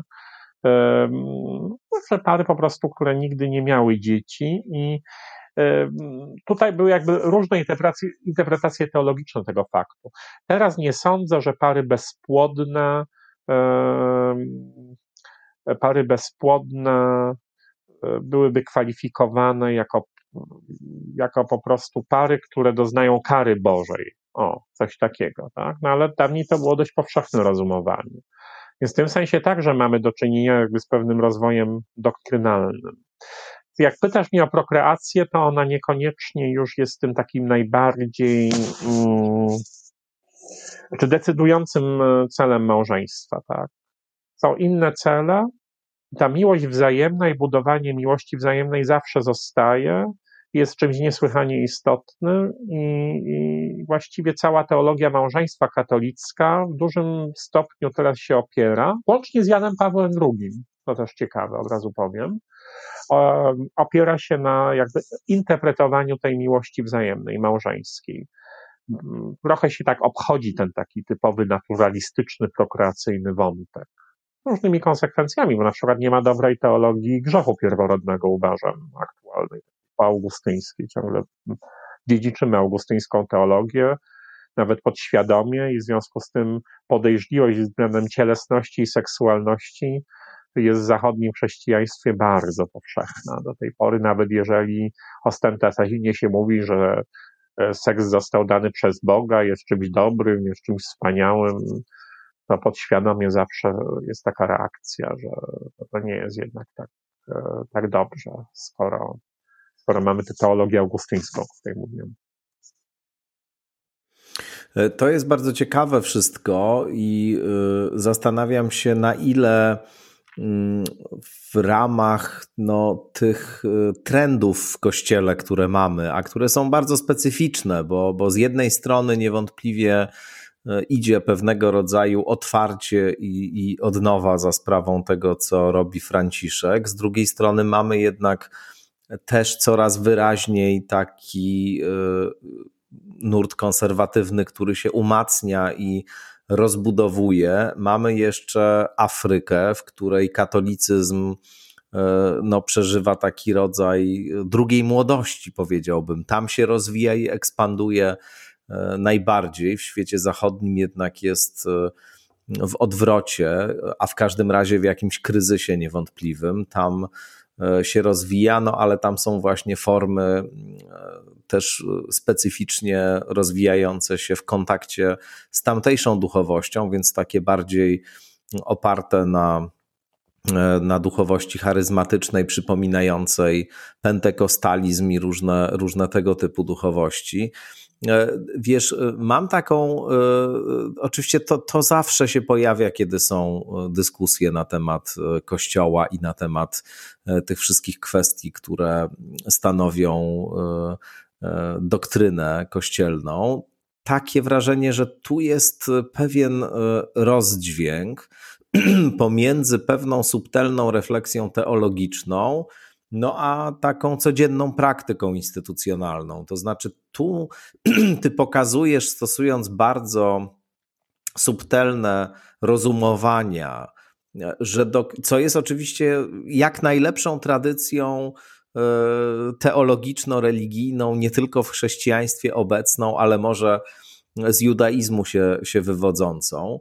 E, pokazujesz bardzo skrupulatnie analizując e, kwestie teologiczne i doktrynalne na pewne e, obszary możliwości dokonywania zmian, uwzględniania tego, co e, przynoszą odkrycia naukowe i tak dalej, i tak dalej. Więc proponujesz pewien model, w ramach którego można zmianę pewnych przedstawianych często jako właśnie bezalternatywne i, jedynie prawdziwe i dogmatyczne rozstrzygnięć pomyśleć.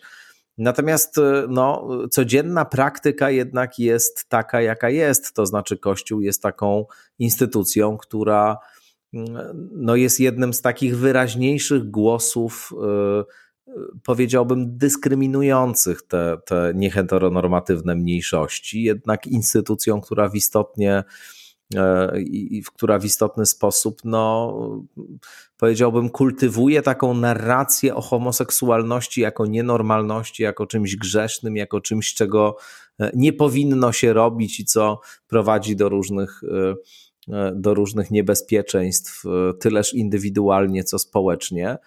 E, I, i, I, zastanawiam się, jak te dwie rzeczywistości e, się ze sobą łączą i, i jak wygląda interakcja pomiędzy nimi. Na ile tego typu subtelna refleksja, którą ty snujesz, jest w ogóle aplikowalna do, e, do tej rzeczywistości, którą mamy, nie wiem, na polskiej prowincji, gdzie proboszcz z ambony potrafi palcem wytykać osoby, które, które nawet niekoniecznie e, mają e, orientację homoseksualną, ale są podejrzewane o to, że ją mają, co często prowadzi do różnych mhm. tragicznych sytuacji. Jak to, jak ty w ogóle na to patrzysz? To znaczy, jak ty też e, się czujesz jako subtelny intelektualista i teolog w kościele, który jest i był zawsze instytucją wielowymiarową.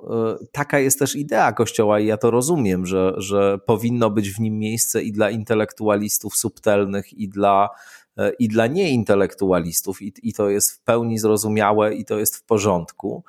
Y, natomiast no, no tutaj mamy jednak bardzo duży kontrast pomiędzy tego typu perspektywą, którą rozwijasz, a codzienną praktyką bardzo wielu, y, bardzo wielu kapłanów Kościoła katolickiego i bardzo wielu oczywiście ludzi, którzy się z katolicyzmem identyfikują i bardzo wielu narracji, które przecież w Kościele polskim także funkcjonują jako w pełni autoryzowane instytucjonalnie, e, propagowane przez najwyższych hierarchów, przez przedstawicieli polskiego episkopatu i tak dalej. Oni z pewnością, gdyby słuchali tej naszej rozmowy, może ktoś e, słucha, no to nie uznaliby, że to, co mówisz, jest zgodne z doktryną katolicką. No to nie o to, ja, ja, jednak mimo wszystko, nie, nie chodzi o zastrzeżenia, tak, no ale ja wiem, co jest mm. doktryną katolicką, prawda, I, Jasne. ale ty mnie pytasz o możliwości zmiany, yy, tak. to, to jest trochę coś innego, to tak, żeby się zabezpieczyć. No ale zakładam, zakładam, zakładam, zakładałem pytając cię, że powiedzmy zmiana y, jest w pewnym polu możliwości, które wytwarza doktryna. To znaczy, tak. Y, że tylko o tyle ta zmiana może nastąpić, jeżeli znajdą się środki, które w sposób y, wiarygodny będą potrafiły uzasadnić tę zmianę. To znaczy, ty, tylko jeżeli jesteś w stanie tę doktrynę tak zreinterpretować, żeby ona dalej była konsystentna, żeby zarazem zachować właśnie kontinuum z tym, co było wcześniej, no tylko wtedy będziesz mógł odpowiedzialnie taką zmianę y, przeprowadzić. Jeśli, jeśli się nie uda takiej interpretacji zbudować, no to zmiany nie będzie. Ona, ona jest chyba warunkiem Będzie, nie będzie. I to nie jest tak, że paru teologów sobie wymyśli, prawda, nie wiem, pewien projekt i on od razu, nie wiem, siłą, mocą tego, że jest tak przekonujący, zostanie wdrożony. E, tak bywało czasem w dziejach chrześcijaństwa, ale bardzo rzadko. A bywało bardzo często, że tego typu projekty, nawet jeżeli były intelektualnie bardzo sprawnie zrobione i bardzo tak ciekawie przedstawiane, były odrzucane i to nie odrzucane przez hierarchię kościelną, ale przez lud tak zwany, tak, przez laikat, przez, e, przez osoby świeckie. Tutaj różne czynniki musiałyby się złożyć, składają się w ogóle na to, dlaczego, jak, jak, jak te zmiany są przyjmowane w kościele. Zawsze y, dla mnie takim, to jest sytuacja historyczna, jest bardzo naturalna. Otóż w IV wieku y, większość chrześcijan to byli Arianie y, w Cesarstwie Rzymskim. To byli chrześcijanie, którzy nie uznawali nie uznawali pełnego bóstwa Jezusa Chrystusa, tak? Uznawali, że jest najwyższym ze stworzeń, tak? ale nie jest kimś równym Bogu Ojcu. I to była większość chrześcijan. I, I wbrew temu jakby zdołano przeprowadzić tak zwaną teologię ortodoksyjną, prawda, z tymi rozwiązaniami na temat Trójcy, które dziedziczymy po dziś dzień, które e, stanowią jakby o tym, czym jest chrześcijaństwo, czym jest doktryna chrześcijańska, niezależnie od e, denominacji, jeżeli nie ma chrześcijan, którzy nie uznają po prostu trójjedynego Boga. Ale to wcale nie było oczywiste wtedy, jak mówię. Większość chrześcijan w IV wieku w pewnych momentach, na pewnych obszarach, to byli ludzie, którzy nie uznawali pełnego bóstwa Jezusa Chrystusa. E, więc mamy takie po prostu momenty, które są jakby trudno wytłumaczalne, dlaczego się pewne sprawy dzieją i jak. E, jak nie pytasz tutaj o, o to, o, tę polską sytuację związaną ze stosunkiem do homoseksualności, jest jednym z aspektów obecnego strukturalnego kryzysu Kościoła jest także to przecież, że e, mamy bardzo negatywny stosunek do związków homoseksualnych, do aktów homoseksualnych na poziomie teologii moralnej i mamy jakby E, ewidentne dowody na to, jak się kler prowadzi, albo przynajmniej część duchowieństwa, tak? Od, od Watykanu w dół, że homoseksualność jest bardzo często występująca właśnie wśród duchownych. E, że, że, że oni trwają w związkach homoseksualnych. No, no tu jest w ogóle oczywiście y, Martel i Sodoma to jest. Cie, tak, tak, ale y, no, no, książka, to chodzi której... o Watykan, to chodzi o jakby poziom. Jasne. I, Jasne. I, i, ale to no, jest w ogóle bardzo, wiesz, ciekawe, to znaczy, to jest, to jest oczywiście na osobną rozmowę i to należałoby tutaj drugie prawie półtorej godziny na ten temat nagrać, bo, bo sama ta sytuacja, w której e, instytucja, która w otwarty sposób potępia tego rodzaju skłonności, e, zarazem właśnie e, funkcjonuje deklaratywnie w celibacie, staje się azylem dla osób, które w kulturze kształtowanej przez te instytucje nie mogą tym skłonnościom e, dawać wyrazu, ponieważ e, kultura jest właśnie nacechowana wrogością wobec tego rodzaju skłonności. Idą do tej instytucji i za parawanem celibatu no, mogą swobodnie oddawać się, czy w jakiś sposób realizować swoją naturę, ale zarazem deklaratywnie na zewnątrz być dalej homofobiczni, no to jest w ogóle nie, nieprawdopodobne urządzenie. To jest, to jest coś niebywale tak. interesującego. No. To jest pewna schizofrenia. Też, no, ale... powiedzmy sobie, mm. to jest po prostu wyraz strukturalnego kryzysu Kościoła. Ja uważam, że ten kryzys mm. polega głównie na tym, że to jest kryzys w ogóle e, e, definicji, czy nie wiem, ujęcia tego, kim jest duchowny, kim jest ksiądz, kim jest biskup, kim jest biskup, kim jest prezbiter, kim jest po prostu ten funkcjonariusz jakby w systemie kościelnym, tak? E, że jakby większość tych perwersji, e, tych afer pedofilskich spowodowana była, może nigdy dość powtarzania tego, no ale właśnie bardzo fałszywym obrazem reprezentanta Boga, kogoś, kto się uznaje za drugiego Chrystusa, kogoś, kto się w, dok- kogoś, kogo się w doktrynę wpisuje jako drugiego Chrystusa, reprezentanta Chrystusa na ziemi, w związku z tym implicite taki ktoś nie może, jest prawie, no, no jest święty jak Chrystus, nie może popełniać pewnych rzeczy. I dla mnie zawsze najbardziej dramatyczny moment yy, w ujawnianych aferach pedofilskich to są na przykład no, takie, takie fakty, że rodzice nie byli w stanie uwierzyć swoim wykorzystywanym przez księży dzieciom, bo ksiądz nie mógł niczego takiego zrobić, bo to jest taki Pan Jezus, prawda, który, który no, jest absolutnie doskonały i święty. No to jest bardzo wadliwa i bardzo perwersyjna teologia kapłaństwa tak, bardzo, która na bardzo wiele niegodziwości pozwala samym duchownym, czy pozwalała przez, przez wiele, wieku, wiele wieków samym duchownym. W tym momencie mamy taki moment spektakularnego odsłonięcia perwersji e, tej e, teologii, tak, tych doktrynalnych ujęć. I elementem tego odsłonięcia jest także ta schizofrenia moralna homoseksualnego kleru, muszę powiedzieć, tak? To znaczy ludzie, którzy zakazują, a Martel pokazał no, taką dziwną zależność, no, jeszcze do sprawdzenia, no bo jego opis nie jest naukowy, w końcu no, będziemy potrzebować trochę więcej danych, ale on uważa i tam stawia ostro taką tezę przecież Sodomia, że im bardziej ktoś jest homoseksualistą, im bardziej duchowny jest homoseksualnie aktywny w takim życiu prywatnym, tym bardziej jest homofobiczny na arenie publicznej. Tak jest, tak I, jest.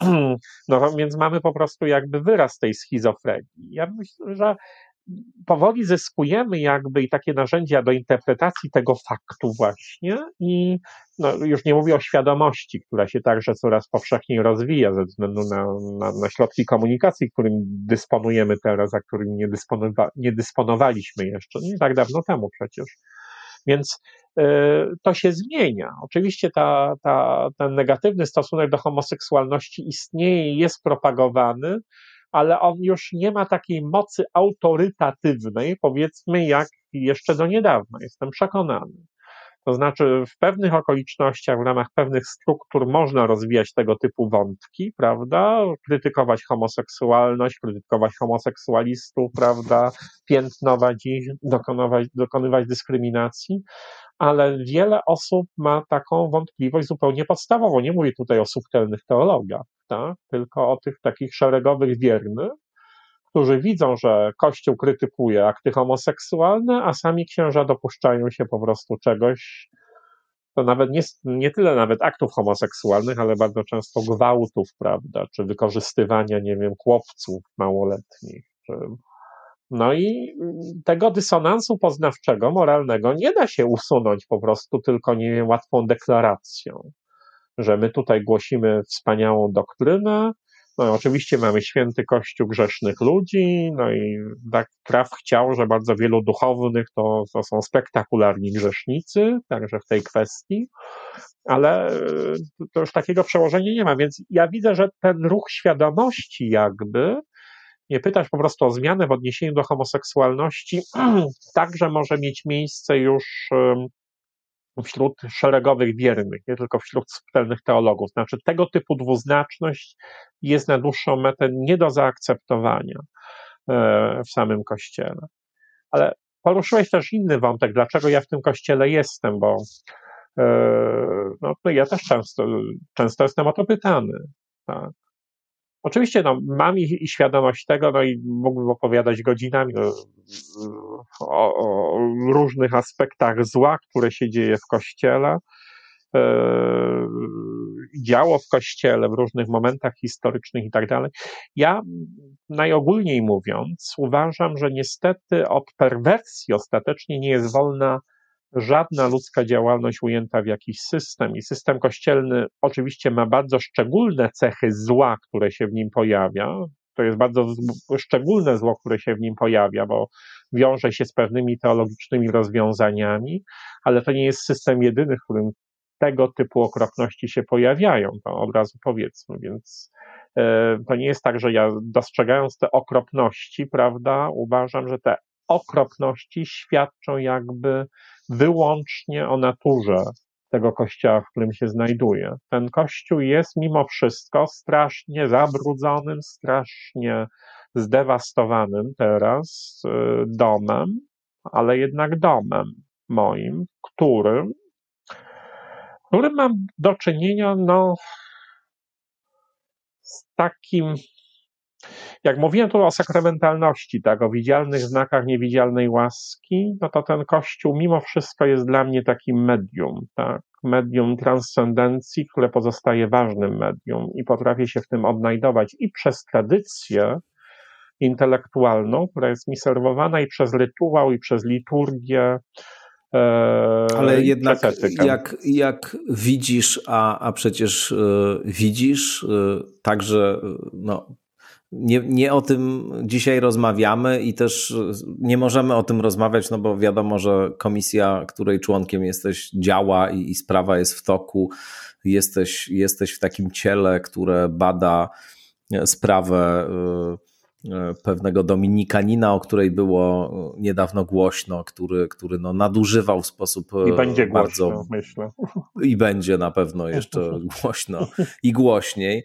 E, e, uczestniczysz w tych pracach, też oglądasz to wszystko od środka, ale, ale mnóstwa rzeczy się dowiedzieliśmy jednak o instytucji Kościoła, powiedzmy w ostatnich 20 latach. W Polsce, no to właściwie te rzeczy dopiero teraz zaczynają wychodzić na światło dzienne w dużym stopniu dzięki działalności braci Sekielskich, no ale też mamy takie postacie, nie wiem, jak Tadeusz Bartoś, Stanisław Obirek, oni od dawna będąc e, insiderami przez długi czas, też e, różne, różne rzeczy ujawniali i opowiadali o funkcjonowaniu od wewnątrz w kościele. No ale mimo wszystko te, te historie o nadużyciach, o, o, o, tym, o tej demoralizacji, o takim właśnie, o takiej patologii instytucjonalnej czy strukturalnej, która się bierze z pewnego kształtu czy modelu e, instytucjonalnego, który też jest zakorzeniony przecież w teologii, ma uzasadnienie w doktrynie i tak dalej wydaje się dość e, przerażający ten obraz, który, który z tego wszystkiego się wyłania. I No nie, to nie jest no tak, że to spływa nie, no jest wiesz, przerażający. jak woda po kaczce. No skąd? No właśnie, ale, ale wiesz, no zastanawiam się, dlaczego wobec tego jeszcze tam E, jesteś e, i dlaczego nie powiesz sobie, no dobrze, no to, no to przecież jest Jezus Chrystus, jest Ewangelia, są te wszystkie rzeczy, po co mi ten Kościół, po co mi ta instytucja?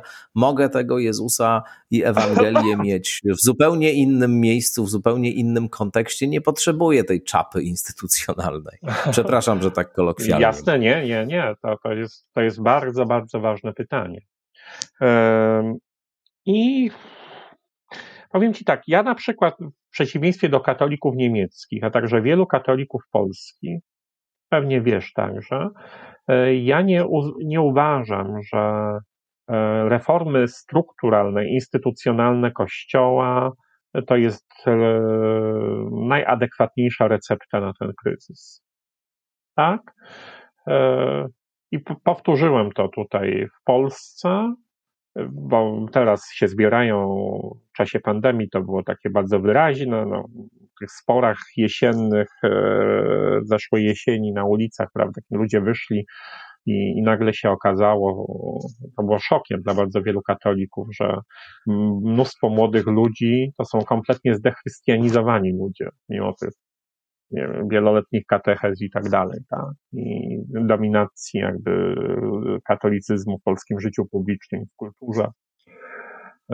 no dla mnie, mimo wszystko, no, już no, rzadko jestem tak nastawiony, żeby nie wiem, czymś się szokować, prawda? No, ale muszę ci powiedzieć, że jak zobaczyłem na Nowym Świecie, poszedłem na jedną z tych demonstracji, największą, prawda, i zobaczyłem ten karton z napisem szkoda, że Maryja nie zrobiła aborcji, to jednak, no, tak mocno to, mocno mnie tak walnęło, mm. muszę powiedzieć. Mm. I, e, więc, e, no ale pojawiły się gremia, musimy coś zrobić, nie może tak być, ci biskupi są okropni, nie można się niczego po nich spodziewać i mnóstwo świeckich katolików właśnie próbowało i próbuje ciągle spotykać się, przyjmując jakby ten wzorzec niemiecki, bo Niemcy, no mówiliśmy o błogosławie, błogosławieństwie par homoseksualnych tak, w kościele niemieckim, ale tam od 2019 roku jest w ogóle taka E, propozycja reformatorska, która się nazywa droga synodalna, tak? łącząca kler i katolików świeckich. Nie jest to synod, bo w prawie kanonicznym synod jest zdefiniowany jako zgromadzenie duchowieństwa, prawda? Związku z tym trzeba by wyłączyć świeckie osoby, więc stwierdzono, że to będzie takie e, E, takie, taka grupa, prawda, zastanawiająca się, czy grupy właściwie, taka zbiorowość zastanawiająca się nad możliwością przemiany Kościoła, przemiany teologii także w Niemczech i że to będą duchowni i świeccy razem się nad tym zastanawiać. To się nazywa droga synodalna, żeby to nie było synod. Tak? I ponieważ to jest dobrze opisane, można sobie sprawdzić, na czym to polega, no to niektórzy zaproponowali świeccy katolicy polscy, żeby właściwie jeden do jeden przełożyć tę, tę drogę synodalną na polskie stosunki, a tam są propozycje reformy etyki seksualnej, postulaty tego, żeby się biskupi podzielili ze świeckimi władzą, pieniędzmi i tak dalej, tego typu rzeczy. Mm, no, odnośnie homoseksualności, kapłaństwa kobiet i, i tak dalej. Takie palące, publicystyczne powiedziałbym kwestie są podejmowane. No i ja w pewnym momencie, zresztą co ciekawe, muszę powiedzieć, że nabyłem tej świadomości po spotkaniu, po wielu latach z profesorem Tomaszem Polakiem, dawniej księdzem profesorem Tomaszem Węcławskim. Napisał w zeszłym roku książkę System Kościelny, czyli Przewagi Pana K., Natomiast taką Bardzo ciekawa książka. Tak, mm. tezę tam, że dla mnie przekonującą. Znaczy on pokazał, w jaki sposób w systemie kościelnym jest generowana przemoc.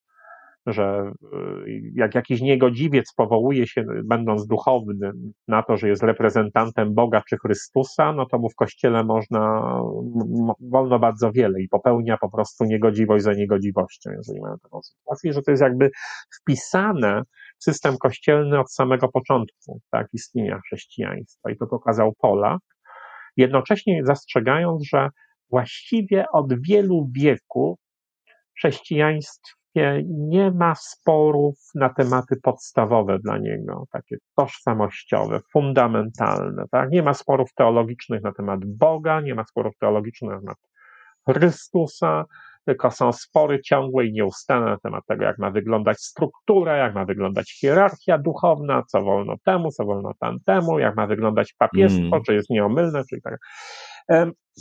I on mówi, że to jest działanie na biegu jałowym, że to jest po prostu absolutnie nietwórcza działalność. Ja się z nim zgodziłem, ja się z tym zgadzam. On co prawda mówi, że tak się dzieje od tysiąca lat, ja uważam, że ostatnią taką epoką, w której jednak doszło do mocnego takiego spięcia doktrynalnego, to była reformacja, tak? Mm, wystąpienie Lutra i jego konsekwencje w XVI wieku na Zachodzie. Teraz często też się mówi, że Kościół katolicki, rzymskokatolicki jest dotknięty największym kryzysem od czasów reformacji. Ja się zgadzam z tym, tak? Ale też mówię tym moim znajomym,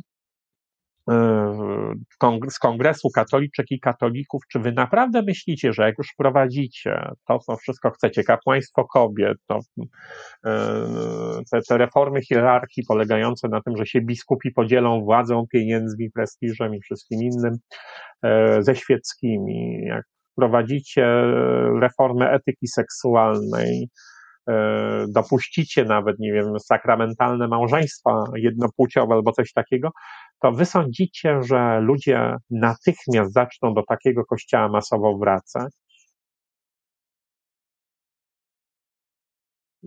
I przekonałem się, że takie pytanie w ogóle się mm. nie pojawia wiesz, na horyzoncie. To znaczy, ja je postawiłem i ono wywołało, ono wywołało szok. Ci powiedzieć. Dla mm. mnie to mhm. było, tak mówisz o mnie, jako bardzo ci dziękuję, subtelnym teologu, no ale to jest jednak działalność hermetyczna w dużym stopniu, taka działalność intelektualna, powiedzmy Oczywiście. sobie szczerze. Natomiast na takie pytanie wywołało szok. Mówię, czy macie coś do powiedzenia ciekawego o Bogu, o Chrystusie, tym ludziom, którzy właśnie odeszli? Nie wiem.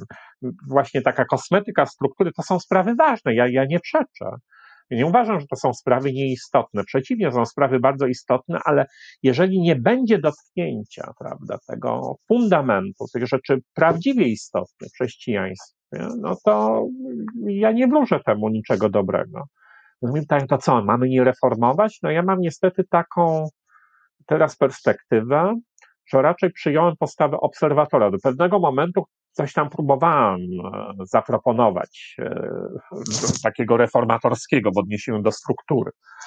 Na przykład pisałem teksty o tym, jak sobie wyobrażam nowe kapłaństwo hierarchiczne, jak sobie wyobrażam kapłaństwo kobiet i nie chodzi tu o postulat równouprawnienia, tylko jak po prostu połączyć, no to jak zro, co zrobić z tą kwadraturą koła, jak ocalić jakby pewne takie wytyczne teologii katolickiej, takiej tradycyjnej, z tymi postulatami równościowymi, e, jest z tymi postulatami równościowymi. I, i, I, pisałem coś takiego na temat tego, że wyobrażam sobie, że, że może być diakonat kobiet, ale ten diakonat nie powinien wyglądać tak jak diakonat męski w kościele, że to powinna być e, jakaś tam odrębna po prostu sytuacja i tak dalej. Pisałem o tym. E, a w tym momencie, ponieważ widzę to, co widzę, mówisz, nie wiem, o Martelu, prawda, o tym wszystkim, dostrzegam e, tę sytuację w kościele, teraz jeszcze jako członek tej komisji, o której wspomniałeś, dostrzegam jeszcze więcej, tak? I widzę po prostu, że ta klerykalna struktura, której tak wielką rolę odgrywa stan duchowny, tak zwany stan duchowny. Jest bardzo charakterystyczne określenie związane z monarchią stanową średniowieczną, której już nie ma. Od długiego czasu już nie ma, tak. I w Polsce i gdzie indziej, prawda, nie ma monarchii stanowej, ja ciągle mówimy o stanie duchownym, tak, nie wiem, coś było niezbywalnego. W każdym razie ta struktura stworzona w takim dojrzałym średniowieczu, ona się w tym momencie sama pod sobą spektakularnie zapada wszystkimi funkcjonariuszami, bo tam też nie wrzucam wszystkich do jednego worka, no są znakomici i bardzo dobrzy księża, tak, ludzie, biskupi także. E, I uważam, że papież Franciszek to też jest całkiem fajny gość i fajna osobowość, tak, i, no i tyle. Ale oni w ramach tego systemu działają po prostu zupełnie bezwolnie i nawet jeżeli mają intencję robienia czegoś dobrego, to nie są w stanie, dlatego że działa siła inercji wewnętrznej, powoduje po prostu coś takiego, że, że no, no, no nie daje się jakby tego przetworzyć. I w tym momencie mamy taki punkt zwrotny, to się zapada i się zapada spektakularnie. W ostatnich kilku latach zapada się coraz bardziej, coraz mocniej. I ja już nie chcę dywagować na ten temat z biskupami, jak poprawić sytuację tego kościoła w takiej strukturze, w takiej formule i tak dalej. Ja uważam, że to się musi zapaść do pewnego momentu, ale nie jestem w stanie przewidzieć, e, jak będą wyglądać te zgliszcza. Jeszcze tego nie wiem. Ale już parę razy w, w historii chrześcijaństwa do czegoś takiego dochodziło. Niedawno pewien Dominikanin przypomniał mi, e, jest taka powieść, mam pewien obraz, ale bardzo charakterystyczny też w kontekście tego, o czym mówimy. Jest taka powieść Hanny Malewskiej, wybitnej pisarki, trochę zapomnianej, polskiej historycznej pisarki. Ona była szefową redakcji znaku w latach 60., miesięcznika. E, I napisała taką mm, książkę Przemija postać świata. To jest książka tam opisująca realia historyczne VI wieku, a, bardzo dawno temu, prawda? Rzym już upadł, znaczy cesarstwo rzymskie upadło, Rzym z milionowego miasta, z milionowej metropolii staje się taką podłą dziurą, której mieszka, nie wiem, 25 tysięcy osób ostatecznie. E, no, są tam oczywiście w tym mieście ciągle jakieś klany, jest wspomnienie dawnej przeszłości, są jacyś tam chrześcijanie lub, lub bardziej pobożni. I tam wkracza Teodory, kariański władca, prawda, mm, na Półwyspie Italskim, Got, Półwyspie Apenińskim, Got, który ten Rzym, prawda, anektuje w pewnym momencie. No, przy sobie współpracownika, bardzo wybitnego filozofa zresztą, Boecjusza, e, no tam różnych innych ludzi, no, tam też wiedzie pewien senator rzymski Cassiodor. no ale w pewnym momencie coś kompletnie odbija, mówiąc w cudzysłowie temu Teodorykowi, wybija i Boecjusza, i różnych bliskich sobie ludzi, i nagle już mamy no po prostu taką dewastację kompletną kościoła, chrześcijaństwa, kultury, epoki, tradycji rzymskich, wszystkiego się po prostu nie, nie podniosą, on zgliszcz.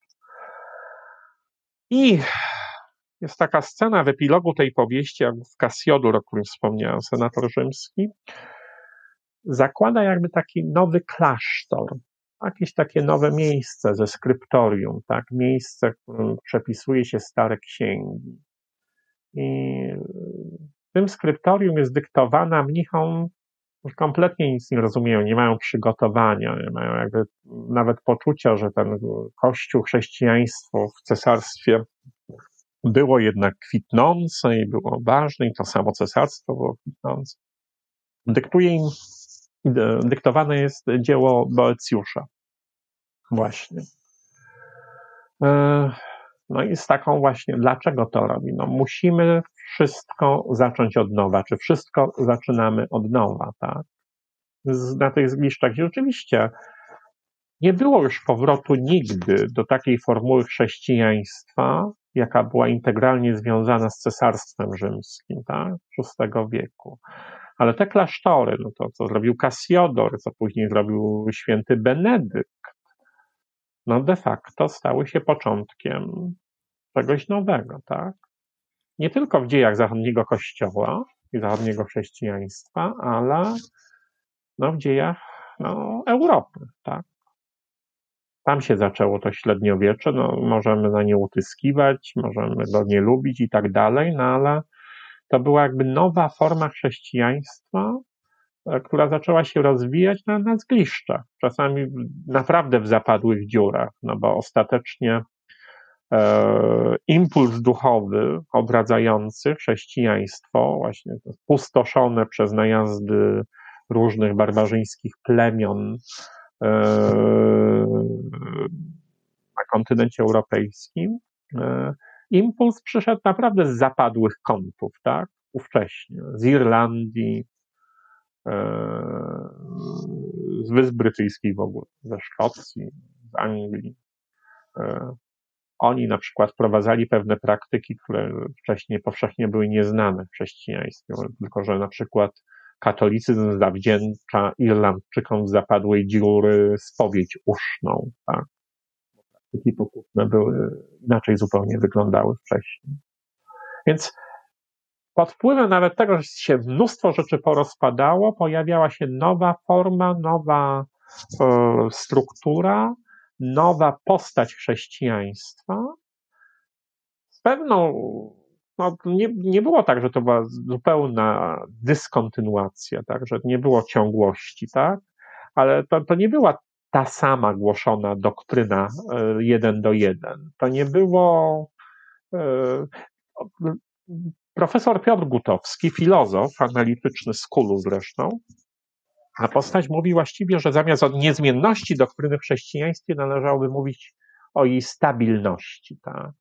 pewnych punktach węzłowych, które są podejmowane, prawda? I tak jak właśnie w takich kluczowych momentach, tych punktach zwrotnych w chrześcijaństwie, punkty węzłowe zostawały. Doktryna się rozwijała, Kościół się zmieniał, chrześcijaństwo się zmieniało, ale pewne rzeczy musiały upaść w ogóle, żeby tego typu zmiany się pojawiły i ja w to wierzę. W tym, w tym momencie uważam, że struktura kościoła hierarchicznego w katolicyzmie się zapada sama pod sobą. Ja nie wiem, czy ja dożyję, prawda, tych zgliszcz, na których będzie się tworzyło to nowe. Być może już się tworzy, jeszcze nie mam mm. takiej świadomości, ale uważam właśnie tak. I to jest czas, tak, tak e, widzę swoje zadanie, żeby podejmować te najważniejsze problemy chrześcijaństwa. Tak? Odpowiadać właściwie na, na, hmm na, na potrzeby ducha i mówić o Bogu, mówić o Chrystusie. Ja rozmawiam, prawda, z ludźmi postwierzącymi, jak ich nazywam, którzy zachowują potrzeby duchowe. Kościół jest dla nich skompromitowany kompletnie, odchodzą od niego, odchodzą od chrześcijaństwa, e, bardzo często miałem takie rozmowy w ostatnich miesiącach, to próbowałem opisać u nas w więzi na temat e, pustki po Bogu, tak? Pustka po Bogu. No, odeszli od tego chrześcijaństwa, ale tak nie zawsze to jest dramatyczne. No czegoś brakuje, tak jakby było pewne doświadczenie i pewna fascynacja, która została, pewna duchowość, która nie, nie jest realizowana w tym momencie. I co ja mogę im odpowiedzieć? Czy ja mogę jakby e, te impulsy chrześcijańskie jakby na nowo interpretować, kiedy ktoś coś do takiego, coś do mnie takiego mówi. I stwierdziłem, że mogę i powinienem to robić. Dzięki Tomaszowi Polakowi także, muszę powiedzieć. Jak mówiłem o pustce po Bogu, prawda, mówię teraz, to nawiązałem do historii hmm. Bardzo podstawowej dla chrześcijaństwa. To jest historia z najstarszej Ewangelii, jaką mamy, jej pierwotnego zakończenia, czyli z Ewangelii Marka, jak pierwszego dnia tygodnia, po tym Wielkim Piątku, kiedy Jezus umarł na krzyżu, idą kobiety, żeby namaścić ciało Jezusa po tym szabacie, e, po pasrze. Idą i nad rankiem zastają ten grób pusty. Wielu egzegetów i biblistów współczesnych uważa, że to jest w ogóle kompletny wymysł chrześcijan, to, że musieli jakoś tak uzasadnić swoją magiczną wiarę w zmartwychwstanie. Ale ja, ja mam inne poczucie i takie samo poczucie, co ciekawe, też ma Tomasz Polak. Rzeczywiście kobiety odkryły pusty grób była tam pustka. No pustka, jak sobie odnoszę, to pustka po Bogu także. Ale zakończenie Ewangelii jest bardzo problematyczne, nie jest optymistyczne. Tam spotykają jakiegoś faceta, prawda, w tym pustym grobie, nie Jezusa. Mówi, że dlaczego szukacie żywego pośród umarłych? Nie ma go tu. Zmartwychwstał, idźcie, uprzedźcie, prawda, Piotra i uczniów, że, że się objawi w Galilei. No i jest ostatnie zdanie jakby tego pierwotnego zakończenia. One zaś nikomu nic nie powiedziały, bo się bały. Koniec. Ja uważam, że to jest jakby doświadczenie, taki pierwotny impuls chrześcijański, który w obecnych okolicznościach, w obecnych warunkach może być przywoływany. Odkrycie pustki po Bogu i towarzyszy, znaczy reakcja, która, która jest, e, no, to towarzyszy temu odkryciu, to jest strach. A ten strach ostatecznie to jest strach przed zmartwychwstaniem. Ja to właściwie powinienem opisywać. To są sprawy fundamentalne. Dużo bardziej fundamentalne niż to, w jaki sposób będą organizowane diecezje katolickie.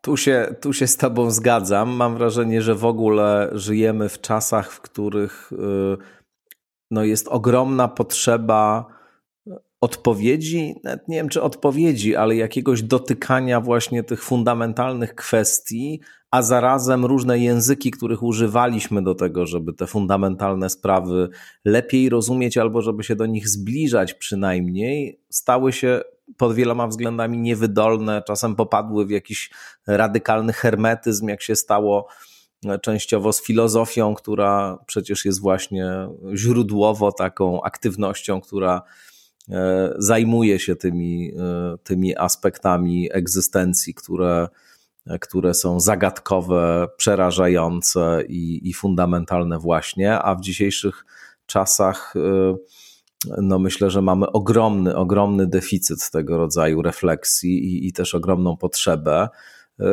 To jest temat na kolejną rozmowę, więc Cię z góry zapraszam na taką debatę o, o sprawach podstawowych. Tutaj myślę, że postawimy kropkę. Bardzo długo rozmawialiśmy. Bardzo Ci serdecznie dziękuję za to. To, to jest też no, bardzo ciekawe intelektualnie doświadczenie zawsze posłuchać Ciebie i tej perspektywy, którą, e, którą rozwijasz. No i cóż, no, życzę, żeby ten kościół się właśnie taki stał, jak e, mówisz. Jakby on taki był, to i ja bym rozważał akces, szczerze mówiąc. Także, także może rzeczywiście tak się stanie. Ja ci, no bardzo Ci dziękuję, bardzo dziękuję, bo to dziękuję. rozmowa z Tobą jest zawsze dla mnie i wyzwaniem, czymś interesującym i bardzo się cieszyłem na to bardzo spotkanie. Bardzo mi miło. Mhm. Ja również bardzo serdecznie Ci dziękuję. Dr Sebastian Duda był naszym gościem w podcaście Skądinąd. No i Państwu życzymy wszystkiego dobrego, dużo zdrowia. Do usłyszenia w kolejnych odsłonach Skądinąd.